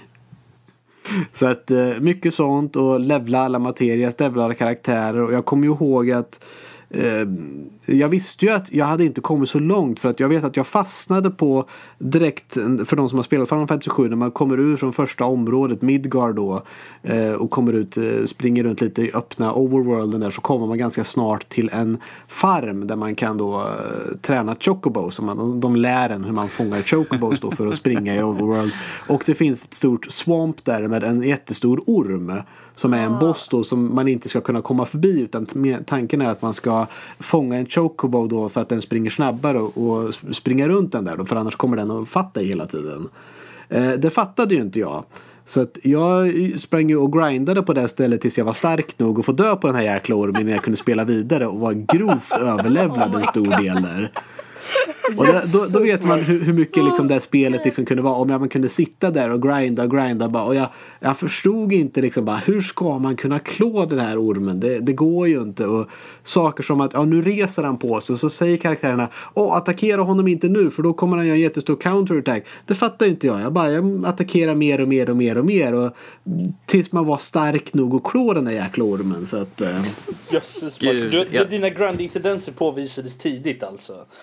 Jo, precis. På tal om jag försöker komma på vilket Final Fantasy, men de, när de införde de här klasssystemen, du kunde vara bard eller du kunde vara liksom... Det var all- ju all- tvåan. Ja, fyran, femman. Fyra och där femman, för jag vet att när jag körde liksom, så fort jag lärde mig en ny karaktär så gick, var jag på samma ställe och liksom levelade upp dem nästan till max bara från start. Liksom. Jag bara, jag är här, jag har en ny karaktär, då kan jag ta och hålla på och levla. Man ska se allt vad den kan Ja, göra. precis. Och det var ju lite omständigt kanske. ibland, Ja, men så. det vet jag också som liksom, man ser så här som när man levlade materia i Final Fantasy 7 att få de här bara Åh, nu, jag- nu får jag Ice 2 till exempel Mm. eller Fire 2, åh vad häftigt och sen bara åh, undrar hur trean ser ut, ja men då springer jag runt i det här stället tills jag har det. Det tar ju en evighet men det gick ju och sen bara, åh vad häftigt. Jag ju tror- Och också- sen blir sista bossen jätte, jätterolig. Alltså, jag har- Som man är max-level. Ja. Jag, jag tror jag har kört nästan alla Final Fantasy. Jag har nästan kört att jag har liksom, så fort jag startar ett spel, då har jag sprungit runt med gubben och levelat upp han till level 10 och sen är det bara, nu kan jag bränna igenom första biten utan problem. Jag tror det Det var i Final Fantasy 13, ett spel som jag, jag tyckte väldigt mycket om faktiskt, även om en del tycker att det är ett korridorspringarspel. Eh, så Det fanns det någon, någon gräns på hur mycket man kunde levela upp och det blev lite, nej men ha, jag kan inte levela upp mer nu utan då måste jag gå vidare och sen kan jag levela upp mer. Så här, liksom. Ja, det är lite surt. Ja, det är det Jag liksom, vill det är bli overpowered. levla. Ja, jo, det vill jag också. Mm. och det är sån Jag, gillade, jag gillade Lightning som karaktär. Ja. Ja precis, jag gillade Lighting och blev så jävla sur när jag inte fick spela med henne längre så att då ville jag Ja, inte jo spela mer. precis. Då Jag tyckte det var bra stridssystem, stridssystem. Jag tänkte komma till det sen att jag tycker det är viktigt eftersom man slåss mycket i här RPG att det är ett roligt stridssystem och jag tyckte om det i 13 och även i 10 tyckte jag var väldigt trevligt också. Man kunde liksom Ja, switcha. det var och, bra. Ja. Jag tycker om sådana här poser man kan ta. Så liksom, nu är det 25% min chans att du stöter på en random encounter. Jag bara yes! Jag Skaffa massvis med sådana. Köper använt dem. 99 sådana så här. Aldrig Eller- använt dem. Någonsin. Även fast jag är så skitirriterad på, på random battles. Alltså jag är så glad när jag, när jag spelar i spel som inte har random battles. Liksom, för jag hatar verkligen dem. Okej, ja, det, det, det ser man. Eh, I alla fall eh, eh, vidare i historien. Eh, Eh, så gick vi från Final Fantasy 7, vilket jag säger att jag klarade inte det. Jag kommer ihåg att jag kom någonstans där jag fick ubåten. Och så skulle man gå och hämta en nyckel någonstans. Men då hade man liksom låst upp hela overworlden. Man hade liksom ubåt, man hade highwind, kunde flyga runt. Och jag visste inte i storyn vart jag skulle. För jag kunde fortfarande inte engelska. Så Aj, där aj, aj. fastnade jag i spelet och inte kom längre. Bara gick runt och grindade. Jag vet att jag var i ubåten och man går ner till ett kraschad. Jag tror det är en annan ubåt där. Där man har jättestarka fiender. Du ser, det skulle där- aldrig hända i Final Fantasy 13. Där har du korridorer du följer liksom. Alltså, Max, jag måste ju säga att jag är väldigt imponerad över att du kom så långt i spelet utan att kunna engelska. Jag kom aldrig Ja. så långt i spelet jag kunde engelska. Ja, ja. Nej, jag, kommer, alltså, jag var väldigt mycket sån verkligen här, åker runt till alla ställen och talar med allihopa. Till exempel, jag kommer ihåg, på tal om det här med sorgliga tillfällen då. Eh, och inte det primärt sorgliga som alla säger då i Final Fantasy 7. Men, jag vet inte om ni vet det, för att man tappar bort Cloud på ett ställe. Och sen blir det Tifa som blir partyledaren då och ska springa och leta. Eh, och man hittar honom i en liten by mitt ute i skog någonstans. Där de säger ja ser du han som sitter i rullstolen som eh, liksom har fått Mako poisoning eller vad det är. Han är B.J. Blazkowicz. Jösses. Eh, men då att jag, att jag kommer ihåg och liksom bara, ja, och det, det fick man genom att Tifa gick och talade med en hund i en random by mitt ute i skogen. Jag vet inte fasen hur jag lyckades hitta det. Men nu gjorde jag det. Och det var nog bara de sorgligare momenten. För det, jag kommer ihåg liksom fortfarande musiken av som spelar som är lite så här halvmysterisk, läskig. När, när han sitter i rullstolen där. Och man hör liksom hur han bara sitter och talar liksom random ord. Jag fick ta min mamma och liksom komma in och översätta vad han sa. Och de säger bara The angels, they're looking back through the black mirror. Och, det gjorde ingen sens. Att det gjorde inte saken bättre heller. Min mamma satt bara förvirrad. Bara, Jag har ingen aning vad han pratar om. Ja, bara, va, va, va, vad säger de? Jag förstår inte. Eh, Men det vet jag, det var, det var riktigt sorgligt när jag såg liksom min karaktär som jag har spelat, som jag har levt mig in i. Eftersom att jag har ju inte fått någon story utan jag har ju tillfört min egen story väldigt mycket. Så att den var ju mer nästan personlig på så sätt. Eh, Eh, och veta att han ligger i rullstol, sitter i rullstol och bara liksom inte koherent på något sätt och det är läskig musik och, och så. Det, det, var, det, det, var, det var tungt. Eh, Det fanns ett till, för sen så vet jag att jag fortsatte spela Final Fantasy 8. Också fortfarande inte kunde engelska. Och det förstår jag inte. Det systemet är ju skitkomplicerat med junction och Ja. equippa och draw och allt vad det har. Jag tror aldrig jag har Eh, förstått men- det till 100% alltså måste jag säga. Måste jag, Nej, jag har det- spelat det är det, lite spelet så specialare. jävla mycket och jag är fortfarande väldigt osäker på. Jag tror att senaste gången jag körde det, vilket är ju säkert en tio år sedan minst nu. Så, förstå, så läste jag faktiskt alla tipsen för då kunde jag engelska tillräckligt bra för Ja. att förstå det ordentligt. Och då satt jag här och sa jaha, jaha, okej, okej, jag förstår nu ungefär vad de vill att jag ska göra. Okej, ja men okej, men det här kommer göra spelet mycket lättare nu när jag faktiskt fattar vad fan det är som händer. Innan dess så var det bara, "Ja, nej men jag gillar de här GFs gör jag, så då använder jag dem. Det, Precis. det, det, det systemet är väldigt, alltså det är så olikt också. Det är så unikt. Det, det, det var svårt. Jag, när jag spelade det också först i åttan, jag bara "Va- what the fuck alltså. Så jag, så jag slutade spela och sen så tog jag mig an det igen. Men eh, ja, det var svårt. Det är inte förrän typ sist för två år sedan eller någonting sånt som jag spelade som jag Ja, verkligen men det är nu när man går tillbaka till att bara, ja men nu kanske jag skulle kunna förstå det ordentligt. Jo, det är I alla fall, jag spelade det där spelet och eh, fastnade jättemycket väldigt tidigt vet jag. Man skulle in och fånga, det är så här någon GF som är två stycken eh, Beasts, en stor och en liten eller något sånt där i någon liten skog. De hittade jag aldrig av någon anledning. Så att där fastnade jag tidigt. Och sen så när jag spelade det igen senare så vet jag att då var min jag tror det var tredje skivan, att det var ett hack. Man är i någon så här future-liknande stad med Squall och gänget. Och eh, eh, Eh, det kommer någon cutscene och där hängde sig min tredje skiva som jag var på. Så jag fick aldrig klara av det spelet heller. Eh, över det sen så vet jag att jag var ju fast vid hela Final Fantasy-serien. Att jag vet att jag såg Final Fantasy 6 då på, till Playstation också.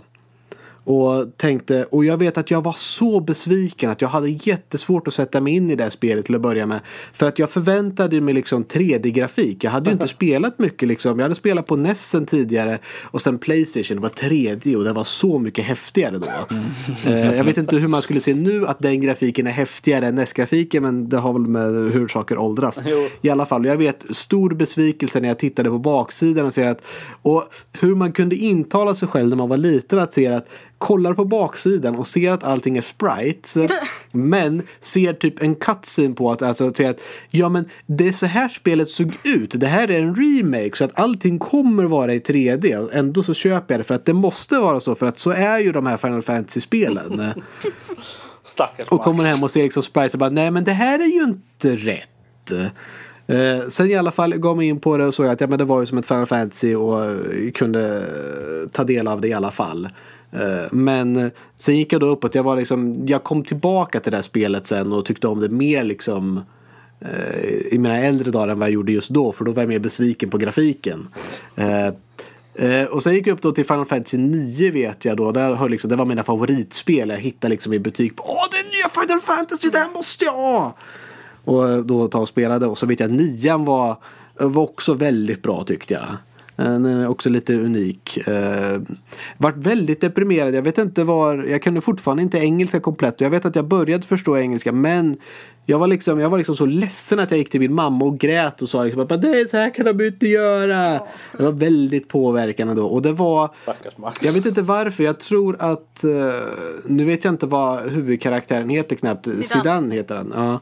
Eh, var uppe i något sånt där eh, stort domedagsskepp där som hade varit nere och förstört. Och bara, Oj vad länge sedan jag spelade det här spelet. och eh, alla hans kompisar har, kommer upp då och hjälper han liksom försvara honom. Men han säger att nej men var inte med ungefär för att jag kommer bara skada er eller något sånt där. Jag vet inte vad han säger men han viftar bort dem lite om man säger och fortsätter att gå haltandes igenom då fight efter fight efter fight. Folk hjälper honom och alla hans kamrater är där men han viftar bort dem och det tyckte jag det var det mest tragiska. Jag visste ju inte vad han sa. Jag visste bara att han, han gick och haltades och var skadad och det var ju main-karaktären och alla hans kompisar ville inte att de var där för att hjälpa honom men han sa att han inte ville ha deras hjälp och det, det var också emotionellt tragiskt. Jag måste, jag måste flika in här för eh, är det inte typ en bossfight också? Jo det är det säkert. ehm, är det inte den... eh, för att där är det är den eh, tracken eller låten eller musiken som jag tycker Mm. bäst om eh, av i princip nästan alla spel, speciellt Final Fantasy-spel. Det är den här Not Alone eller You're Not Alone. Den, Mm, när precis. den låten börjar spela sig just i det ögonblicket i, i Final Fantasy 9. Alltså jag får ju rysningar bara av att tänka på det. Ja, Ja, och det är- när, jag, när jag spelade eh, Final Fantasy 15 så jag var så jä- Man kan få eh, soundtracks och spela i bilen när man kör runt eftersom det Ja, är typ okej, det enda man gör. så, och, jag, och jag bara, fan, jag gick och, och man kunde så, såklart, man, det var ju typ så här man köpte dem i olika ställen så här. Och jag bara Mm. kollade varenda en och jag bara, när jag äntligen hittade eh, Final Fantasy 9 soundtracket så var det bara den låten jag körde igenom hela spelet när jag körde. För att, alltså, jag vet inte, det, det är typ, den är bara så Jag bra. menar, vi har en av de, en av de bästa karaktärerna, Vivi, ja. i spelet.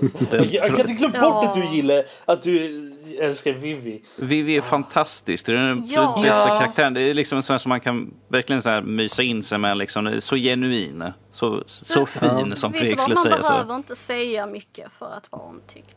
Precis. Utom i podcast. Men... Ja, precis. Det hade varit skumt för vi hade, hade varit som Vivi var. Vad tycker du Vivi?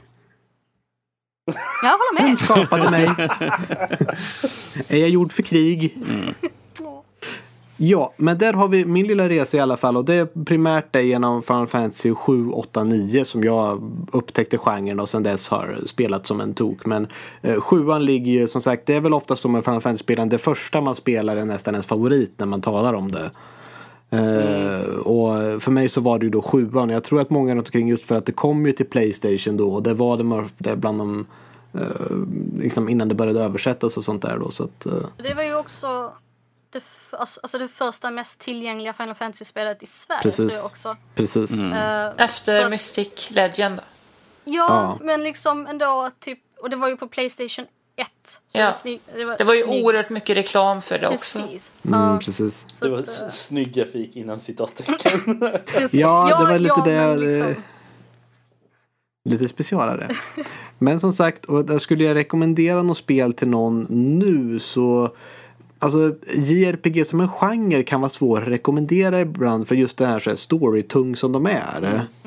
Men jag skulle ju ändå, det, och då tänker man att men är det för storyn så tycker jag visst, sjuan har en bra story. Eh, åttan har en intressant story också. Nian har en intressant story. Sexan har en väldigt bra story tycker jag. Eh, tian också om man kan undvika liksom, jag kommer ihåg när jag spelade tian första gången att det var helt otroligt för grafiken och de hade röster. Så att då spelade hemma hos en kompis och började om liksom eh, på ny sparning varje gång jag kom dit. Jag, att- När jag spelade Tia, jag älskade Tia när jag var liten men jag hatade rösterna. Ja, Jag tyckte- ja, jag det, tyckte- så, det är okej. Vad hette hon? Juna? Eller? Ja. Jag tyckte hon lät bajsnödig. alltså, seriöst, jag, jag störde mig så himla mycket. Och också på Tidus också såklart. Men, eh, Ja, jösses Ja. Titus. Åh. men Nej, jag vet att jag var, jag var för, eh, för, för uh, ung och naiv för att tänka på det. Jag tyckte allting var jättehäftigt bara då.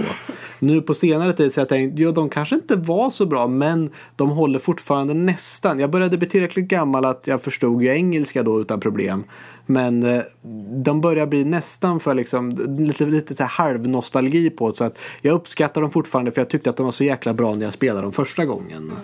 Alltså, Eh, om jag kollar hur det är nu liksom, så känner jag att jag orkar nästan inte med sådana här spel längre. Ni, Nej, men det är lite så att man säger, åh ska jag orka spela? Det är ju jättelångt spel. Ja, men alltså som jag spelar Blaster och Zero nu, det, det var skönt så här, liksom. Det var lite, Mm. de pratade lite ibland och så var det liksom, ja, jag, jag, jag uppskattar mer okomplicerade grejer. Jag tycker att eh, många av roll, de här rollspelen, de har liksom blivit mer och mer komplicerade. Så här, liksom. De måste där kanske förnya sig och göra dem annorlunda. Men jag vet inte, från början var det typ man kunde välja mellan attackera och item och fly ungefär och sen så, Ja. ja, det är väl mer typ så att man vill kanske ha ett, mer ett, ett, ett annat momentum liksom när man spelar nu.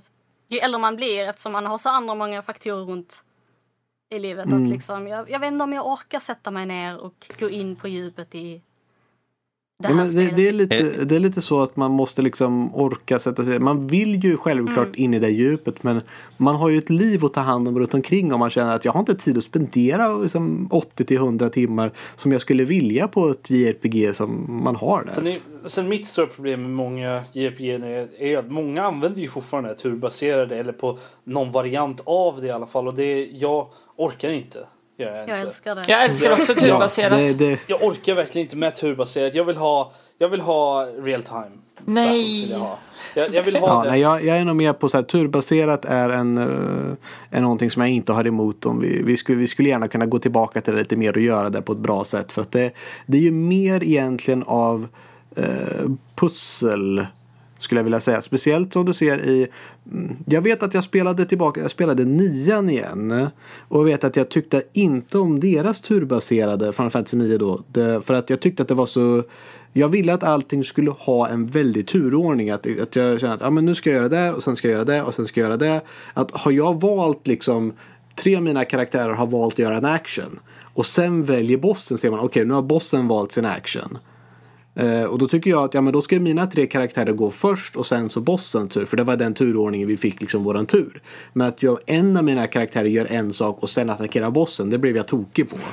Och att det, det, inte var liksom direkt. Och, så, och det gjorde ju tian väldigt bra. De hade ju liksom en väldig Eh, beroende på vad du gjorde attacker var liksom var hur snabbt du kunde göra en attack igen. Så du hade ju väldigt ett, liksom en kö på att här ser du eh, liksom i förväg de liksom nästa åtta eller tio turerna om man säger som vilka som ska attackera i vilken ordning. Och säger att ah, men då ska jag göra en quick attack på den här personen för då hinner jag attackera igen på den här andra personen och kanske döda den innan den kan attackera mig. Jag, vet, alltså jag, jag gillar, jag kan tycka om sånt.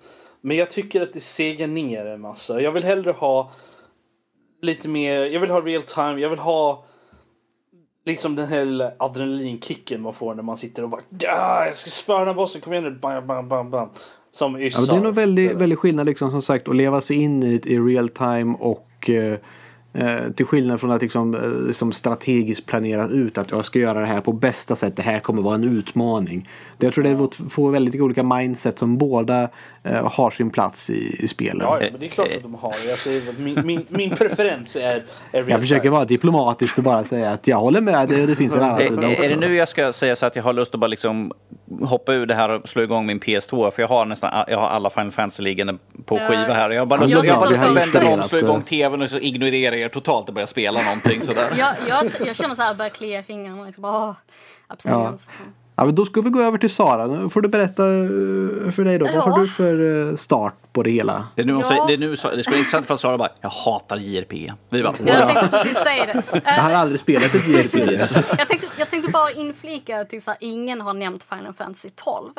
Men om vi går... har det liggandes precis här, jag kan skicka en Ja, screenshot också till dig. Jag har en väldigt bra anledning till varför jag inte har det. Ja, ja precis. Men i alla fall. ehm, en gång i tiden så var jag liten. Och det är jag fortfarande. Men eh, Ah, fan, hon hann, hon hann före. Hon hann före mig. Det var du som Shit, sa. hon hann före mig, jag hann inte. Jösses.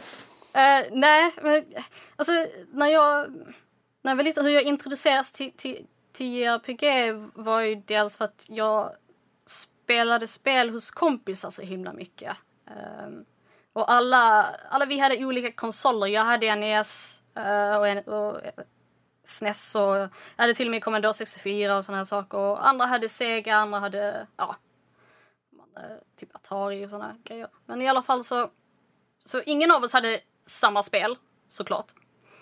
Eh, och väldigt många av mina kompisar hade typ importerat spel från USA. Så, att- så att jag, Chrono Trigger var ju en av de första som jag träffade på och fortfarande är varmt i hjärtat. Det är bra. Det är bra. Ehm, men eh, när jag verkligen kom in i JRPG var som, som Max, det var ju Final Fantasy 7. Eh, och till skillnad från Max så kunde jag engelska. Eh, men jag hade inte spelat själv. Jag hade inte Playstation 1 själv. Och mamma hade inte råd att köpa så här. Men jag, jag introducerades till, till det spelet av, av en klasskompis. Ehm, och i princip i flera månader så typ så här gick vi hem till honom och spelade Final Fantasy 7. Eh, och eh, vi printade ut guider och hade liksom alla materia och vad det fanns och så här. Alltså vi, ja, vi, vi verkligen nördade ner oss i det och eh, till slut så fick jag ju ett Playstation 1 och, och kunde sitta själv med det för att det har alltid stört mig att jag, att jag själv jag är, jag är en liten enstöring så att säga så att jag, jag tycker om att sätta mig ner och göra det liksom på mitt eget sätt. Speciellt Mm, ja, när det, det, gäller det kan vara kul att göra det med andra men ja, det, man ska göra det på sitt eget sätt också. Ja, men, men liksom... eh, det, det är rätt kul för att typ... Han blev så förstörd när det här döden kom. Mm. Som alla vet. Ja, så är det hemligheten som Ja, spoilern typ- som jag vet inte hur gammalt det Precis. spelet är. Jag det är inte det i slutet liksom- på första skivan till och med? Alltså, ja, det kommer ju väldigt tidigt liksom. Och jag bara, eh. För att jag, alltså, Heartless. för mig... Ja. Jag, Ja, jag, ty- sorry. jag har aldrig tyckt att hon är en speciellt intressant karaktär Nej, bara. exakt. Det är, typ, exakt liksom. Visst, jag tycker om rosor och sånt här, men eh, fan, jag bryr mig inte. Tifa är Men i mycket alla fall-. Okej. Ja, tack. Tiffa. Men eh, eh, det jag... anyway. Min, min karaktär någonsin, min favoritkaraktär under eh, alla Final Fantasy-spel har varit Nanaki, eller Red 13. Eh, och hans historia. Och det var hans historia som fick mig verkligen att typ sätta mig in i typ JRPG. För att jag tyckte det var en väldigt sorglig historia. Eh, och den... Det är inte konstigt att jag blev vegan alltså. Men uh, jag och djuren. Eh, jag tyckte, ja som sagt, det, det satte ett intryck på mig och när jag äntligen fick min egen Playstation 1 så köpte jag liksom eh, de här andra som släpptes, eh, typ åttan jag släppte eh, och nian är ju också... Eh, så det fortsatte så, så att säga, med Final Fantasy. Eh, och in på Playstation 2 så var det ju Playstation eh, Final Fantasy 10. Så att jag har ju också introducerats i RPG via Final Fantasy som typ alla har. Känns det nästan som. Nästan alla. Men ehm, Ja men som sagt det var nog stort i Sverige just att det var mycket marknad för det. Ja, så att många kom in i det just då. Precis. Och JRPG blev snabbt en av mina favoritgenrer. Ehm, så att eh, jag, jag kan liksom eh, ha, jag, jag tycker som sagt storyn och jag tror eh, jag fick ett, en outlet till att eftersom jag redan kunde engelska så tyckte jag det var kul att liksom kunna använda det på ett helt annat sätt. Ja men Sara, Mm. du är ju så mycket äldre än de flesta andra som har pratat här nu. Så. Mm, Ja, lille Danny. Så mycket äldre är jag väl inte.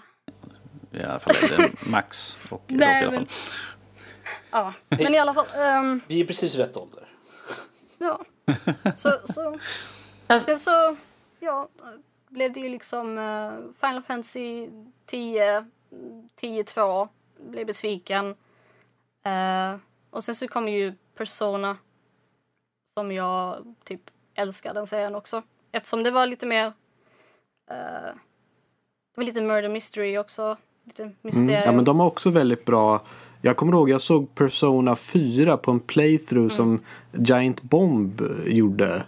Som var jättebra fortfarande. Tycker jag är en otroligt bra playthrough. Mycket underhållande. Persona och sen 4 efter är det. ett av mina favoritspel. Ja, så spelade jag trean vet jag på PSP. Mm. Eh, själv då. Så femman ligger på att göra-listan nu. Ja, bra.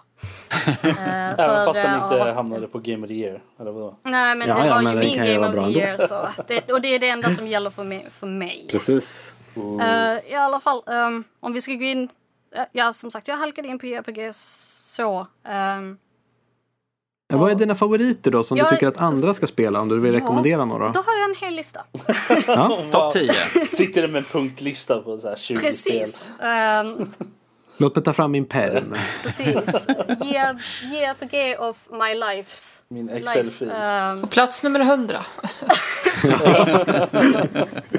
så om, om ni vill s- somna så eh, kan jag läsa upp en lista.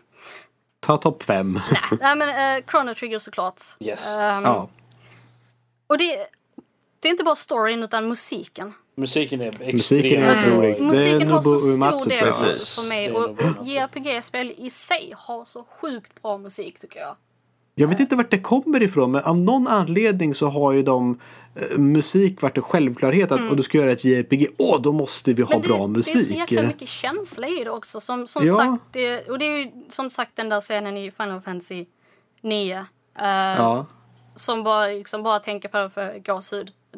Ja. Jag tror, jag tror att Om- det, det, det kommer väl ifrån att de inte hade någon röstskådespeleri Precis, så de kunde inte lägga Nej, in precis, det måste känslan. liksom uttrycka det på något Och, sätt. som, vi vet, som vi vet från filmindustrin att liksom musiken tar ju fram väldigt mycket känslor. Som vi inte har något tal och, liksom, och vi har pixel art så är det klart att musiken får ju liksom driva fram den känslomässiga tillståndet vi ska vara i de scenerna just då. Också är det ju så samt, det är väldigt bombastiskt, det är stort, det, liksom hela världen står på spel. Det är klart, det är musikalisk musik. Det, det, det har ju alltid varit så. Mm, Okej, jag vet ju viss, så- vissa... Mm. Jag tänkte jag skulle fortsätta men, Yes, go on. äh, sorry. Men uh, Chrono Trigger, Yes. såklart. Ja. Ehm, Final Fantasy 7, mestadels för att det är nostalgi för mig. Mm, precis, det är det jag är lite osäker på om man ska rekommendera den eller inte. För jag vet att Alltså- många kommer nog inte tycka om det. Men, eh, Precis. Men, alltså, Om ni skulle titta på det med dagens ögon, om man säger, om man tar av sig nostalgiglasögonen. Skulle ni, Så, tycker då- ni att det är ett bra spel? Gra Jag tycker grafiskt... storyn är bra. Precis. Jag tycker om karaktärerna. Jag, jag har, combat-systemet är okej skulle jag säga. Att jag skulle säga man, om man spelade så skulle man känna väldigt mycket Åh vad häftigt det här var för sin tid. Jag vet inte om man skulle verkligen kunna sätta sig in i det som, som det är- nu. med Final Fantasy 7, det är så himla mycket som händer i det spelet som är så himla Ja. mycket olika moment. Som egentligen kanske kan vara lite förvirrande för att typ det är, och så om man väl tänker på det, det är ett jävligt crazy spel. Ja, Men, Oh, ja. Som den där gången då Cloud var tvungen att klä ut sig till en kvinna liksom och förföra den där jävla äckliga gubben. Ja. Eh, men uh, Vi ser fram till remaken. Och, som sagt. och där är ju min favoritkaraktär Nanaki. Eh, Mm. och, och det är väl mest, alltså. Ja. Det är väl, jag tror att Final Fantasy det är där jag liksom började inse att typ, ja, story och att, få liksom en, en eh, känsla för karaktärer helt enkelt. Det har fått, det har fått djup. Som kan, till exempel Mario inte har eh, för min del och så här. Men eh, och sen så, ja, går vi vidare. Mm. Final Fantasy 9 tycker jag ju då om såklart. Mm. Persona 3, eller ja, nästan alla, men 3, 4, 5. Eh, och Nier. Mm. Ja, Nier har ett underbart soundtrack också.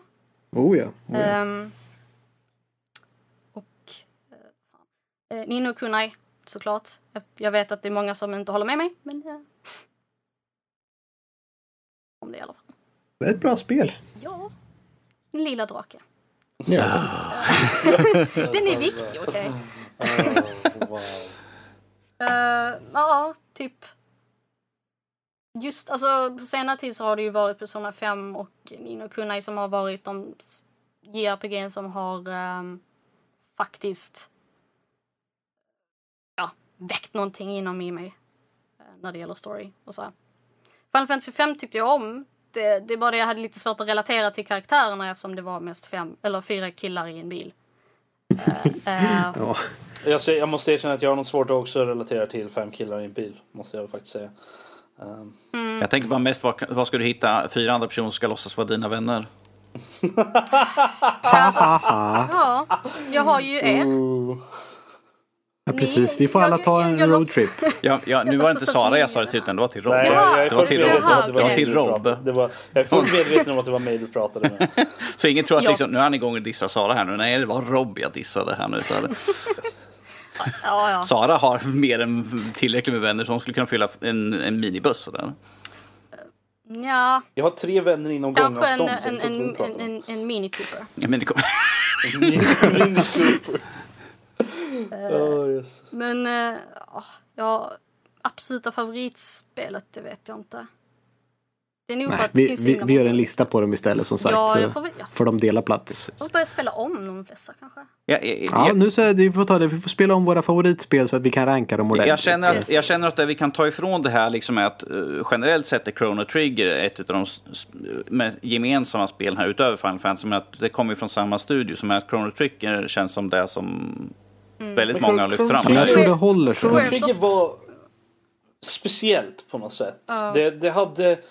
Det var, jag är inte riktigt säker på om jag skulle säga att det var revolutionerande på något sätt. Men det tog alla bra element från, eh, från just JRPG-spelen och samlade dem i ett. Och så hade de en cool story, cool karak- jättebra karaktärer. De hade mm, liksom intressanta moment. De hade hela tidsresegrejen, vilket är alltid bonus. Uh, I alla fall för mitt, mitt håll. uh, det var bra musik liksom. Uh, um, Combat-systemet var intressant, enkelt men ändå bra. Och så. så det, Och, och, och det jag tycker är intressant i- i fighting-system är att liksom, beroende på vilka du har kan du få specialattacker som är liksom specifikt för de du har med. Ju. Ja, Så kombinera jag är inte så. om det kombinerar var första precis. spelet som Mm. gjorde det, men det... Det, Det var väl definitivt- ett eh, Dream Team som låg bakom det? Var det inte bland annat Akira Toriyama som eh, gjorde Dragon Han Ball? gjorde artwork. Han Ja. gjorde karaktärerna och sen Nobuo Matsu gjorde eh, musiken och sen vad fan heter den? Jag för mig att han stängde in sig har jag läst och gjorde musiken tills han blev nästan galen. För det skulle, han gav sig på att det skulle vara perfekt musik liksom. Och det lyckades han med men han blev nästan galen på kuppen. Så. Ja, alltså, jag tror med, med JRPG är också att det är så stor frihet i liksom man kan det, Visst, det är mycket story och så här men oftast kan man också skräddarsy sitt gameplay efter sitt eget tycke. Mm. Och det älskar jag. Att man ska kunna göra. Man kan välja vilka karaktärer oftast man tycker om. Vissa nu, nu vissa spel nu för tiden är det väldigt li- linjära och det är bra det också kan jag tycka eftersom ibland så kan det vara skönt att typ bli visad var man ska gå istället för att man virrar runt sig och blir frustrerad. Men Något som är väl något som är ganska starkt, som jag känt i alla fall i många RPG-spel, är att det är mycket springande fram och tillbaka till ställen. Är det. Och det, det är linjärt, men det känns inte som det just på grund av att du måste springa fram och tillbaka mellan olika ställen hela tiden. Världen är ofta så pass stor att det inte känns som det är linjärt även fast det är det. ja, oftast är det ju så att det har hänt någonting eh, när man kommer tillbaka till vissa ställen. Får får jag bara säga en sak? Jag läser här just nu, det står om eh, han som gjorde musiken typ till Chrono Trigger, Yasunori Mitsuda. Eh, tillsammans Ja. med eh, Nobuo Uematsu. Mm. Mm, Eh. Jag tänkte det, var det han? Nubu som gjorde? Ja, Ja. ja. Jag försöker, Ja. försöker komma ihåg vad det var för någonting. Som jag... Ja, nej men det står liksom att eh, Mitsuda was assigned as the sole composer for the game, in the end creating 54 tracks for the final release. Mitsuda drove himself, himself to work hard on the score, frequently working until he passed out and would awake with ideas for so songs such as the ending for the game. Han, han fick stomach ulcers and had to be hospitalized, eh, which led Uematsu to finish the remaining tracks for him. Om man säger så här, så, så här är det. Den som de dubbade till Dream Team var alltså Hironobu Sakaguchi, han som skapade Final Fantasy. Mm. Eh, Yuji Horii, som var någon sån här freelance designer, han, han som har skapat Dragon Quest. Uh, och sen Akira Toriyama som då gjorde alla uh, karaktärsdesigner och sånt. Det, För övrigt var han som gjorde, har gjort Dragon Ball-karaktärerna. ja, så. och Dragon Quest-karaktärerna för övrigt. Ja. så att, Ja, jag skulle önska vi kunde få en uppföljare på skiten på Chrono Trigger. du menar Vi hade, vi hade ju Chrono Cross? Chrono, Chrono Men- Cross, men Chrono det, det hade absolut ingenting med det. Och jag vet att i en intervju ganska nyligen så sa de att de hade en trea, alltså de var i planeringsstadiet för en trea, men att det är liksom så mycket annat som kom i vägen att de, de, fick, helt, de fick helt enkelt bara skippa det. Vilket jag, oh, det är så synd. Jag skulle, Jag vill bara Mm. att Chrono Trigger ska släppas här. Eh, du kan köpa det på mobilen. Kan Kostar, vi inte ha kostar typ DS? 300 spänn eller något sånt där. Finns det till Ja, DS? alltså, jag jag, har inte DS. DS. Jag har inte DS. Playstation jag 1. spelade på... Ja, men... eh, Du kan, du kan köpa det på Playstation Store, Store för, som en sån här Playstation One. Nej. Finns det? ja, om man har ett amerikanskt. Nej, ja, på PS Vita. Jag har för mig att jag såg att jag kunde Seriöst. köpa. Jag har för mig att jag såg att jag kunde köpa det i alla fall. Eh, Men det är Jag alltså, vet att man kan det till det- i, USA, men... eh, men det är ju ett Playstation Sist jag kollade på One den, eh, spel är det ju, så det är Det står, så här, det står att det har portats till mobil, virtuella konsoler, Playstation Network. Står det. Ja, men jag, jag, vad jag har för mig var att eh, Play, eh, Chrono Trigger inte släpptes på Playstation Network eh, i Europa. Men det kan ha ändrats, jag vet inte. Alltså de, länge de har ju ändrat mycket av det där. För förut så var det ju till exempel så att YS-spelen, de fanns ju inte heller... Nej, inte YS, uh, Psykoden. Ettan och tvåan, de fanns ju inte till Playstation Store eller något sånt där heller. Psykoden för övrigt är också en sånt där, uh, ettan och tvåan, också så här uh, JRPG som var, eh, som jag älskade väldigt mycket. Eh, De, eh, jag kom på dem nu bara. Så, men, men de var också, de, de fanns bara på typ japanska eller nej, de fanns bara på amerikanska eh, Playstation Network. Men nu så finns de här i Sverige också, i Europa. Mm, det som tur vi Skulle, har. jag skulle vilja fråga, vilka är det, vilket är det sämsta JRPG-spelet ni har spelat? Ehm, Det är svårt, men det, det är Final Fantasy många man har gett upp på. Um. Men, Ja, jag, går- jag går väl på åttan ganska fort. ja. Intressant. jag är osäker nu. För jag kommer faktiskt inte ihåg. Ja, vi, vi, vi har hållit på tillräckligt länge och talat om JRPG. Jag tror vi ska försöka ta oss vidare så att vi blir klara någon gång ikväll i alla fall. Eh, Jag kan ju ta och nämna det i eh, liksom en by the way att eh, Sephiroth är ju den coolaste Final Fantasy-karaktären och till skillnad från Squall så är han fortfarande jättecool. Alltså, alltså Squalls karaktär, personlighet och så är inte lika cool. Men hans utstyrsel och klädsel och svärd är fortfarande jävligt coolt måste jag säga. Eh, Max, Han har väldigt- Max, du eh, sa runda av ja. men lät Rob, Rob börja prata igen. Så jag tror inte... Jag vet, det var, det var mitt misstag. Ja, jag jag tänkte bara ställa Om det vi ska börja i, snacka vapen så hade man kunnat typ sitta här i Och där kom Sara igång också. Oh dear. Ja. I nya Final Fantasy NT ska jag säga att de har väldigt bra röstskådespelare och varje gång jag har tittat på YouTube-klipp nu inför och hypar upp mig och varje gång jag ser eh, Sephiroth hoppa in då och säga några repliker så blir jag åh för fan vad häftig du är Sephiroth. Sephiroth är Jag vill, jag inte vill, så jag vill cool. nämligen, jag tycker om Kingdom Hearts också. Kingdom Ja, Hearts är Kingdom cool, Hearts också bra. Ja. Det Danny nämnde det så. Men eh, då, nu, nu hoppar vi vidare lite mer. Nu ska Rob få tala lite. Han har varit väldigt tyst. Så att nu, får vi, nu får vi höra lite, lite eh, korta goda ord om SG-1. En annan gammal klassiker som har med nostalgi Kan att göra. koka kaffe i så Det känns nästan med. konstigt nu när vi har talat om JRPG, en helt annan genre. Nu ska vi tala om amerikansk tv-serie SG-1 med sci-fi här. Så att, ja. Stargate SG-1 är en väldigt bra serie. Tio säsonger, två, fi- två filmer och sen så har man ju originalfilmen Stargate också. Så att det är... eh, För de som inte vet vad den handlar om... Alltså jag vet inte... Den, den ut... De hittar en portal och de åker igenom. De hittar massa äventyr. Ja, nej, jag försökte, jag försökte tänka, ska jag, ska jag förklara vad som plotten till filmen först eller? Äsch, det, det är mer, alltså SG-1 är ju verkligen där. Det är den lilla truppen av gubbar som går igenom den här eh, wormhole som de ringer till olika system och sen så går de in där och säger vad fan är vi nu någonstans? Ska de försöka lägga en liten outpost och sen stöter de på någon form av alien lifeform som krossar allihopa och så måste de fly och lösa det och sen löser de det och så blir alla glada. Okej, ja. Det, det är ett sätt att förklara det på måste jag säga i alla fall. Ja, mer eller mindre. Typ 85 procent blir glada. De, de, du har ett team av amerikanska Air Force uh, som kallas för SG-1 som då reser till andra planeter via en alien uh, device som heter The Stargate. Och den eh, skapar en så här blått fint skimmer i sig och så transporteras de till en annan värld som också har en Stargate och där så stöter de på massa fiender eller andra civilisationer som har blivit transporterade från jorden av eh, aliens som var elaka som påstår sig vara gudar fast de inte är det.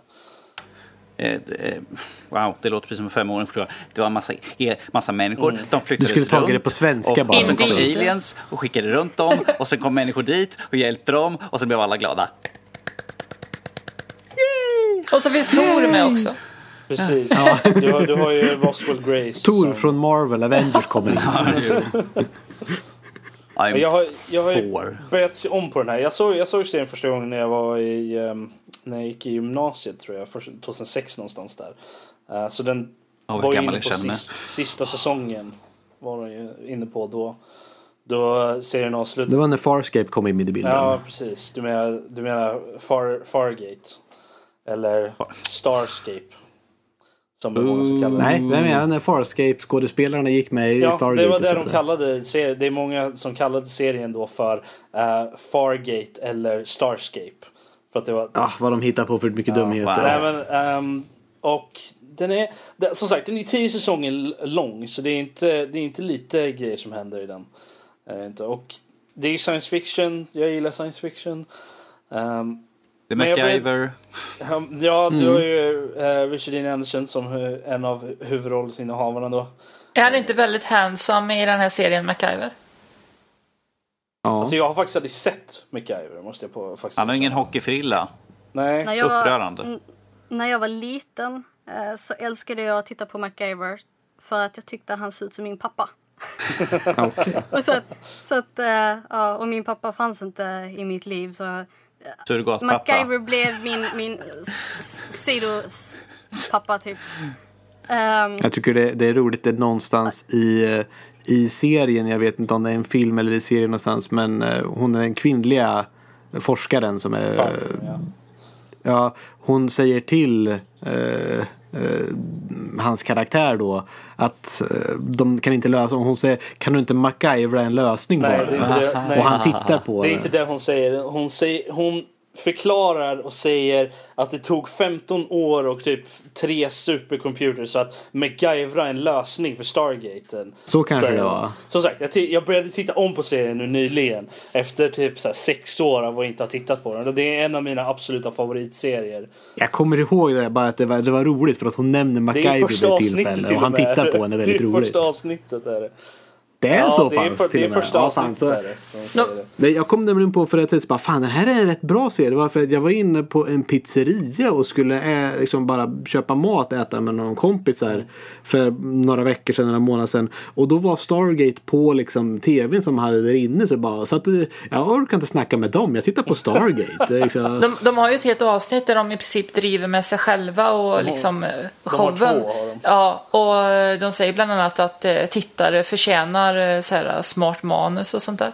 Jag tyckte det var roligt. Mm. Men jag tycker väldigt mycket om den serien. Det är nog en av mina favoritserier. Och jag tycker om att den i början så kanske jag inte tyckte om den så här supermycket, men sen växer den på mig och de, de växer också i serien. De utvecklas.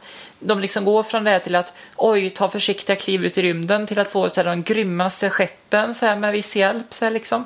Och liksom nästan ta över universum och liksom bli fruktade. Och, ja, men det är en jättecool serie. Men är det bara jag som gillar Daniel väldigt mycket? Alltså jag, jag älskar Daniel. nej, han är en favorit. Han är, han är en av mina favoriter. Men det är för att Ja. jag gillar liksom, han, han är smart och diplomatisk och han gillar liksom, jag, jag tycker han har, han är en av mina favoriter. Plus att han får ju, Alltså han ger väldigt bra kontrast till de andra. ja definitivt. Och Han genomgår ju han, också vissa förändringar under serien. En Han del. har en hel drös ja. Uh, hans uh, skådespelaren som spelar honom, Michael Shanks, fick ju... Jag kommer inte, han, fick, uh, han vann ju någon award alltså för uh, Eh, ett av sina performances i eh, säsong 7 så har de ett avsnitt där han får typ... Eh, där han får typ det är ett antal personers medvetande nedladdade i sitt huvud. Och de dyker upp så han spelar typ så här 6-7 personer i det avsnittet. Och han gör det jättebra. Det så han, han vann ju liksom någon sån här award för det. Så det det är mycket starka skådespelarmoment i, i den serien också. Jag måste dock säga att första halvan av säsong 1 är lite svår att titta på. Mm. Lite cringy. Uh, speciellt, alltså första avsnittet är lite långt tycker jag. Um, mm. Och sen tredje avsnittet, Emancipation, är så cringe att ja. Det är där som, som de har mongolerna och eh, Carter blir typ tillfångatagen och det är massor så här nedlåtande mot kvinnor och allt sånt där och man blir liksom, jag bara, alltså, ja. Men tydligen så är den skriven av, den var skriven av, av det var ett rehashat avsnitt från Star Trek. Uh, Next, Star Trek Next Generation som typ ingen tycker om där heller. Så det är skrivet av samma person och det hade liksom väldigt, lik, väldigt stora paralleller liksom. Väldigt såhär nedlåtande. Det var, det var så här, offensive against women, eh, mongol culture, everything. Liksom. Så det, det, är typ, det rankas som konstant som det absolut sämsta Stargate-avsnittet någonsin. Gör det. Ja, de försökte fortfarande hitta sin, sina fötter där. Men ja, ja det, det, som sagt, jag tror det är en serie som är eh, värd att uh, gå tillbaka till. Jag tänker därför börja ta ta ner och titta lite på den tror jag ta, faktiskt. Kan man ta sig igenom första halvan av säsong 1 så blir den jättebra. Den börjar, den börjar bli väldigt bra runt avsnittet, jag tror det är Torment of Tantalus tror jag. Där de äh, åker till ett, ett ställe med någon så här där de hittar en, en, en, snubbe som hade gått igenom Stargaten för typ 50 år sedan och han har varit ensam på en planet liksom i 50 år. Mm. Uh, det avsnittet, det är där som det börjar vända ungefär. Det, efter det så är det jättebra. Uh, det blir lite spännande. Och den har ju, mm. serien har ju också två spin-off-serier också. Stargate Atlantis och Stargate oh, ja. Universe. Och snart kommer den fjärde. Det, det finns ju till och med tv-spel på skiten. Till mobil. Stargate SG-1 Unleashed. Jo. Med, med, med, med uh, Richard Dean Anderson och alla de andra skådespelarna som gör röster till. Enda skådespelaren som inte kunde komma tillbaka var Donis Davis för han var död. Mm. Mm.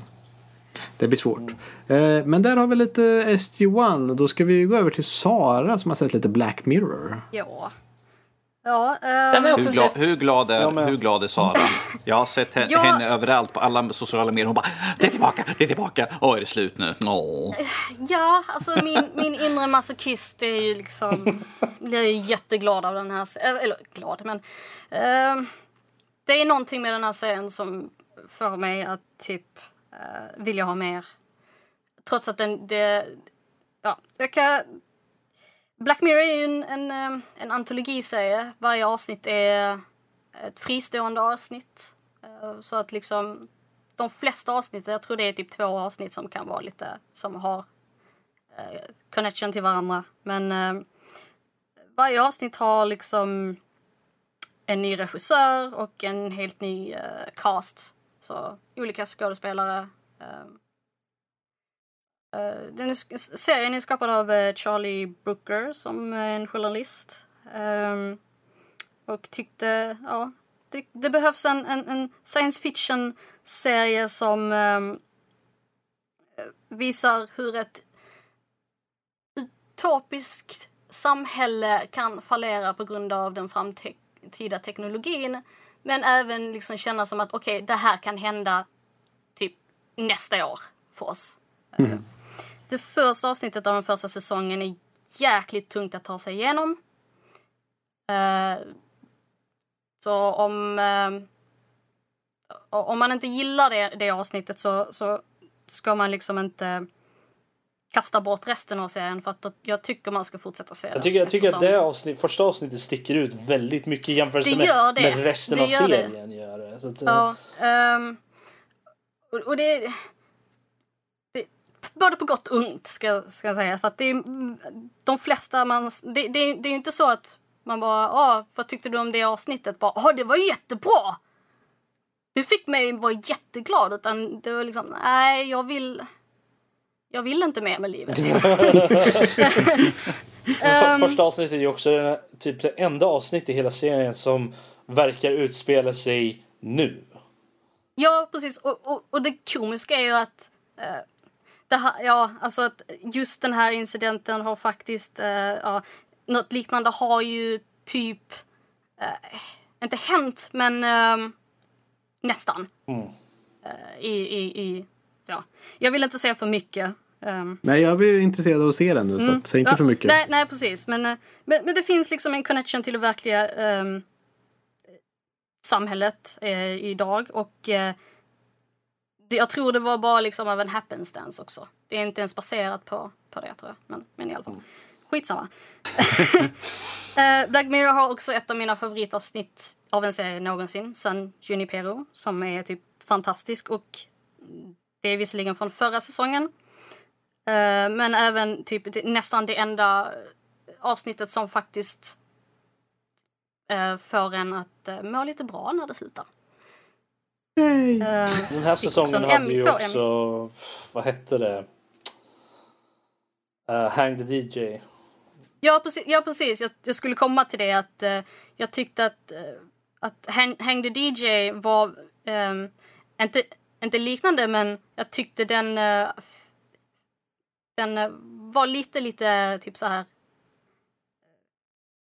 positiv, så att säga, än, än, än resten av alla andra säsonger. Det, det var en nice... Eller avsnitt. både, Förutom den, San Junipero. både Hang the DJ och Sunday Repair var lite av en palette cleanser också. För de, de kommer Mm. typ ungefär mitt i säsongen gör de också. Så att, Precis, så, så när, när man känner att man vill ge upp på livet så kommer det liksom ett avsnitt som faktiskt, även om jag satt ju och bölade mig igenom San Junipero men, men eh, av, av både bra och dåliga skäl. Men, ja, det, ja, den är fantastisk men den fjärde säsongen i alla fall, jag såg den på en dag eftersom det är bara sex avsnitt.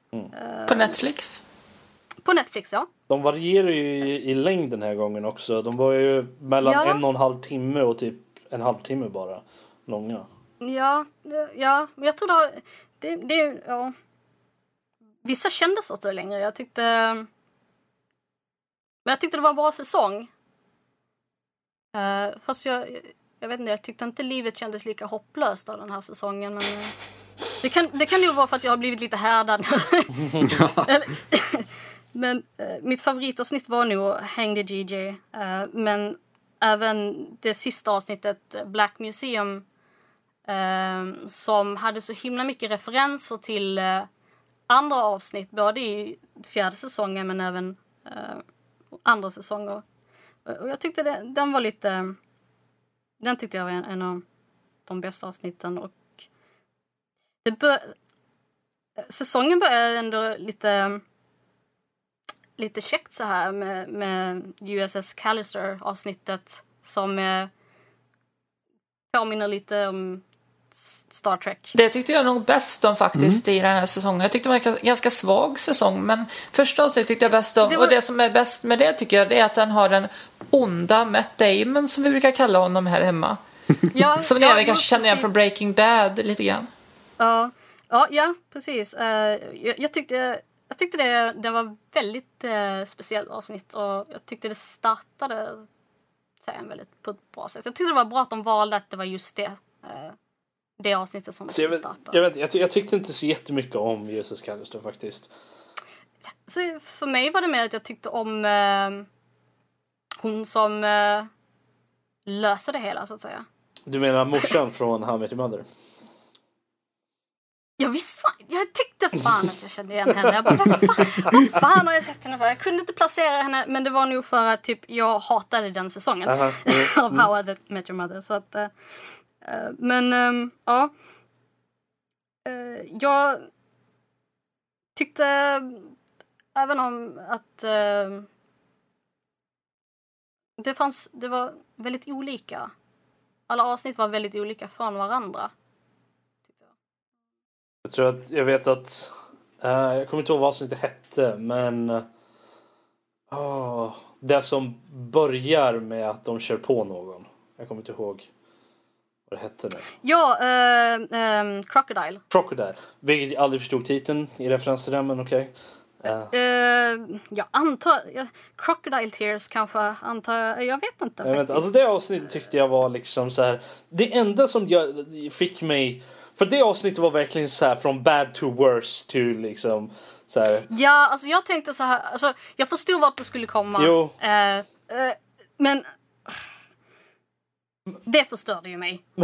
Allt, det, allt, Alltså- allt det avsnittet gjorde var att göra mig väldigt glad att allt, alla dumma saker som jag har gjort hittills i mitt liv har aldrig resulterat i att jag gjort någonting olagligt som skulle komma tillbaka där jag varit tvungen att liksom covra upp det på något sätt så att det skulle komma kunna till, Precis. tillbaka och förstöra för mig längre fram. Jag, Eller? jag tycker det visar så himla bra på, på människans desperat... Alltså hur, hur desperat människan kan vara. Nu.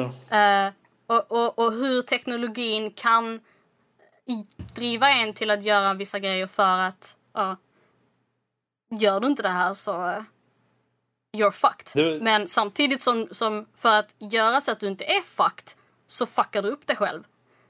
Det var, det var ju väldigt mycket av en cautionary tale också känns det som på, just på grund av att liksom hela hur, hur det slutade, alltså vad som resulterade i, i slutet liksom.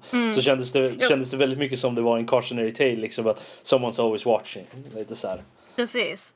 Jag, jag, jag, tro, jag trodde inte hon skulle gå där men she went there. Ja, eller hur? Men glömde en grej. Eh, sen så... Det, fa- ehm, vad ska jag säga? Jodie Foster uh, regisserade ju ett avsnitt också. Archangel. Uh, det med det här eh, barnet.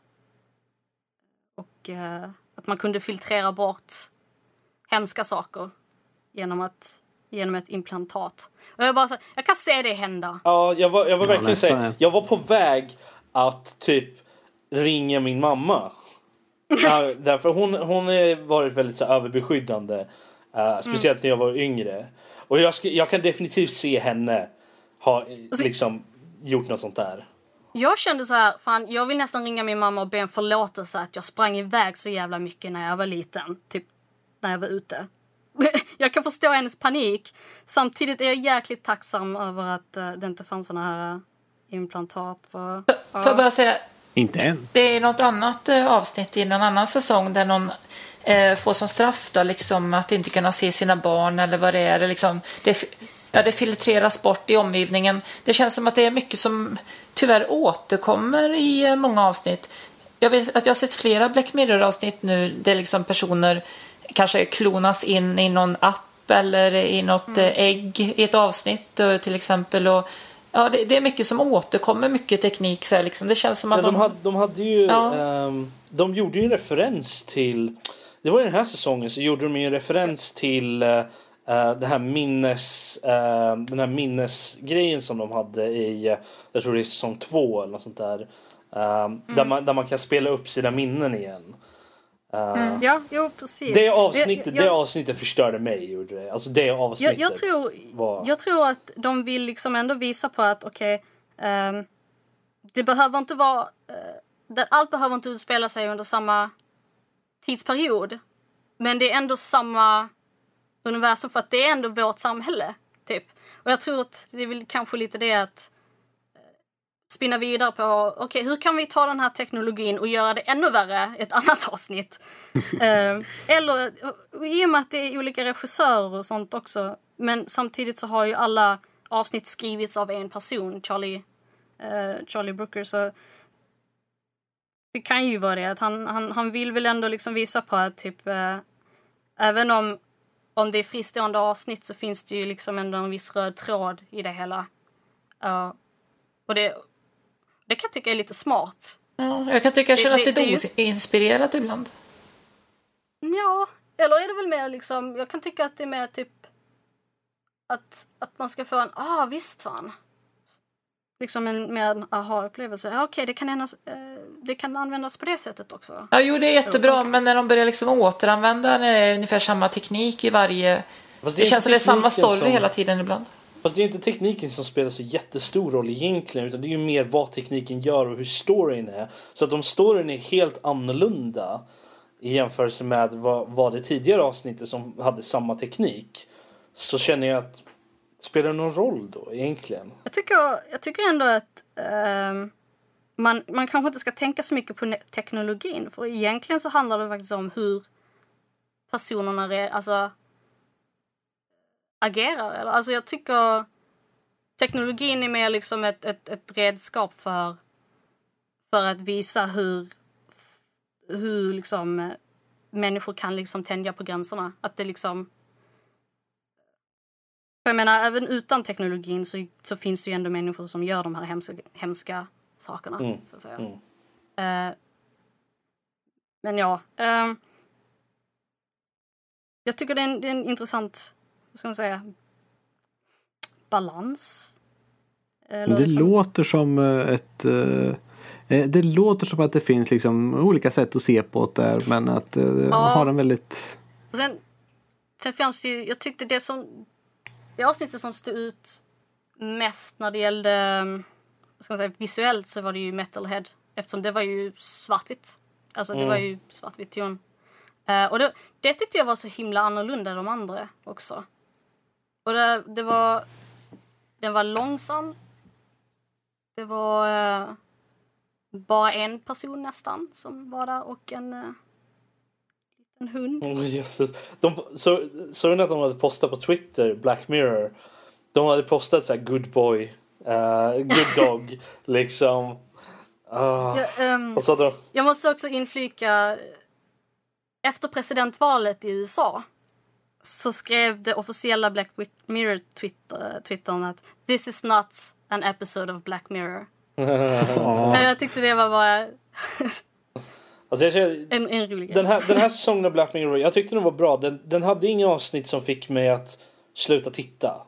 Fick ni inte? Nej. För förra säsongen hade näst sista avsnittet, det med soldaterna. eh, Jag kunde, hade jättesvårt att ta mig igenom det avsnittet. Hade jag. För jag tyckte inte det var så jätteintressant. Eh, Det kan jag hålla med om faktiskt. För jag tror det är nog en av de avsnitten som verkligen inte satte något intryck på mig. Så... Men det kan ju nog också vara för att typ, jag kan inte riktigt relatera till det. ja, nej, jag, jag, Jag kan tänka mig att i USA eller andra ställen att man, de kan relatera till det mer när det gäller liksom Jag, tyck, jag tyckte bara inte var så jätteintressant på det sättet liksom. Men avsnittet efter det drog ju upp allting jättebra. Men det var, jag, såg inte, jag såg inte klart på skiten förrän nu när säsong 4 kom. Så satt jag och tittade på de sista avsnittet på säsong 3 och sen hela säsong 4. Men och det var ingenting som fick mig att sluta titta där vilket jag tyckte var väldigt bra. Jag, jag, jag älskar ju den serien. Ehm, men jag, ja, som sagt, jag är ju speciell. special. Jag trivs bäst i misär. Eller som vi brukar säga, skadad. Ja, nej. Är nej men jag tycker, jag tycker att Black Mirror är en serie som, som liksom, man kan sätt, luta sig tillbaka och känna, fan, jag är glad över att jag lever i det här samhället. Som just Det är liksom, som det- livet är inte så illa som det verkar, som det skulle Ex- kunna exakt. vara. Exakt, och liksom, men samtidigt ändå vara jävligt rädd för hur framtiden kan liksom se ut eftersom det känns, väldigt många av avsnitten kan kännas väldigt nära inpå. Man bara, "Ja, men jag kan se det här hända Det, det enda avsnittet typ som fem år. Det enda avsnittet som verkligen har fått mig att känna liksom så här, okej, fuck no. Var... Det var det säsong två som hade det avsnittet där allting var baserat på eh, ens ranking i sociala, sociala medier. Och, eh, jag tror det var förra. Var det? Ja, Det var den att man eh, typ så här ratade liksom. Att man typ så här skickade fem stjärnor eller någonting sånt. För- och jag, för- bara, jag, kan, ja. Jag, jag vill säga en sak efter du har pratat klart. Nej, alltså jag bara tänkte att jag kan se det. Jag, alltså, vårt samhälle idag är så besatta av likes och, och sånt. Så jag bara, det var lite otäckt att titta på. ja det, jag tyckte inte heller om det. Det, det var så här, jag skulle inte göra en bra ifrån mig i det samhället. Jag ska sätta Ja. en like på Saras Jo, kattbilder. jo. Hörni, Louise vill ju säga någonting. Nej, det var kul att du tog upp det just avsnittet för att eh, den här sci-fi-serien The Orville Ja, som faktiskt har, har blivit riktigt bra. Eh, I ett avsnitt där så har de nästan samma story för att de landar på en planet där man kan ge varandra en upvote eller downvote. Eh, och det, liksom är deras demokratisystem så att säga. Och man kan även filma händelser och så får folk rösta upp eller ner. Och om en person eh, förlorar många votes då kanske han inte blir serverad kaffe på ett café. Och får en riktigt många downvotes då kanske han hamnar i fängelse eller till och med blir avrättad. Så att det, det var ett riktigt bra avsnitt i Black Mirror-anda i The Orville där. Jag gillade, jag gillade det Jag har avsnittet. inte sett den serien En, faktiskt. enda skillnaden som var i det avsnittet var ju att hela deras samhälle var baserat runt det där. Även liksom vad som man skulle göra, vad man skulle forska i och alla sådana saker. Så det var ju vad ska man säga, enligt deras ord så här, true democracy på grund av att det var ju folket som bestämde.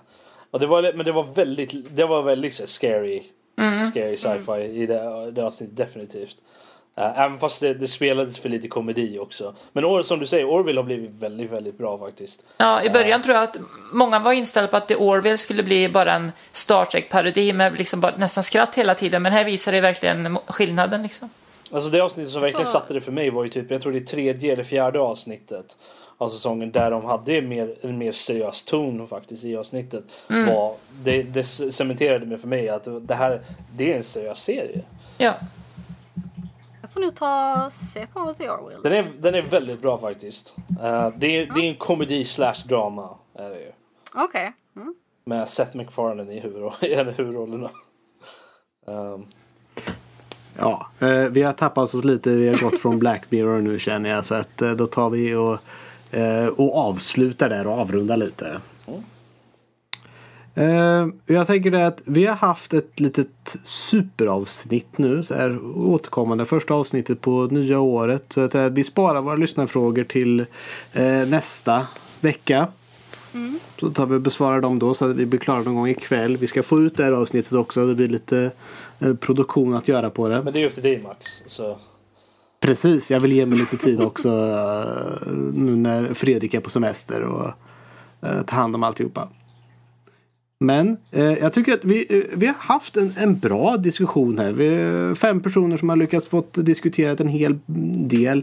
Allt från eh, missbruk till eh, JRPG till eh, skräckserier. Så att det har varit en, vi, vi började lite på, eh, på nostalgi, gick vi ner lite i djup där med missbruk. Så gick vi upp på JRPG igen och nu är vi nere på depression igen. Så det är perfekt ställe att avsluta Det, på. det, det känns lite som att vi gjorde 2017 på två timmar. Och det hade ju Ja, bara varit neråt hela tiden. Då. Men som sagt, vill, vill ni ha mer av oss, vill ni veta mer om Nördliv så skulle jag rekommendera er att gå till nördliv.se eller nordlivpodcast.se. Båda går till samma ställe. Eh, annars så skulle det eh, ju hitta oss på eh, Twitter sådär om ni vill skriva några frågor som vi kanske tar upp då och det är ju at nordliv.se som ni når oss på där. Eh, annars gå gärna in på iTunes, ge en liten recension, skriv några roliga betyg. Danny tycker om sånt har jag hört. Yes. Eh, och så. Och eh, är det något annat som sagt så finns det på vår hemsida där ni kan nå alla möjliga recensioner och eh, skojigt. Men förhoppningsvis var det där ni hittade avsnittet så där är ni redan välbekanta. Eh, och med det så eh, får jag tacka för mig och eh, så får ni alla säga hej då så tar vi ett fint litet avslut. hej då! Adjö. Toodaloo. Bye! Du ska alltid vara sist Rob. Äh, stick.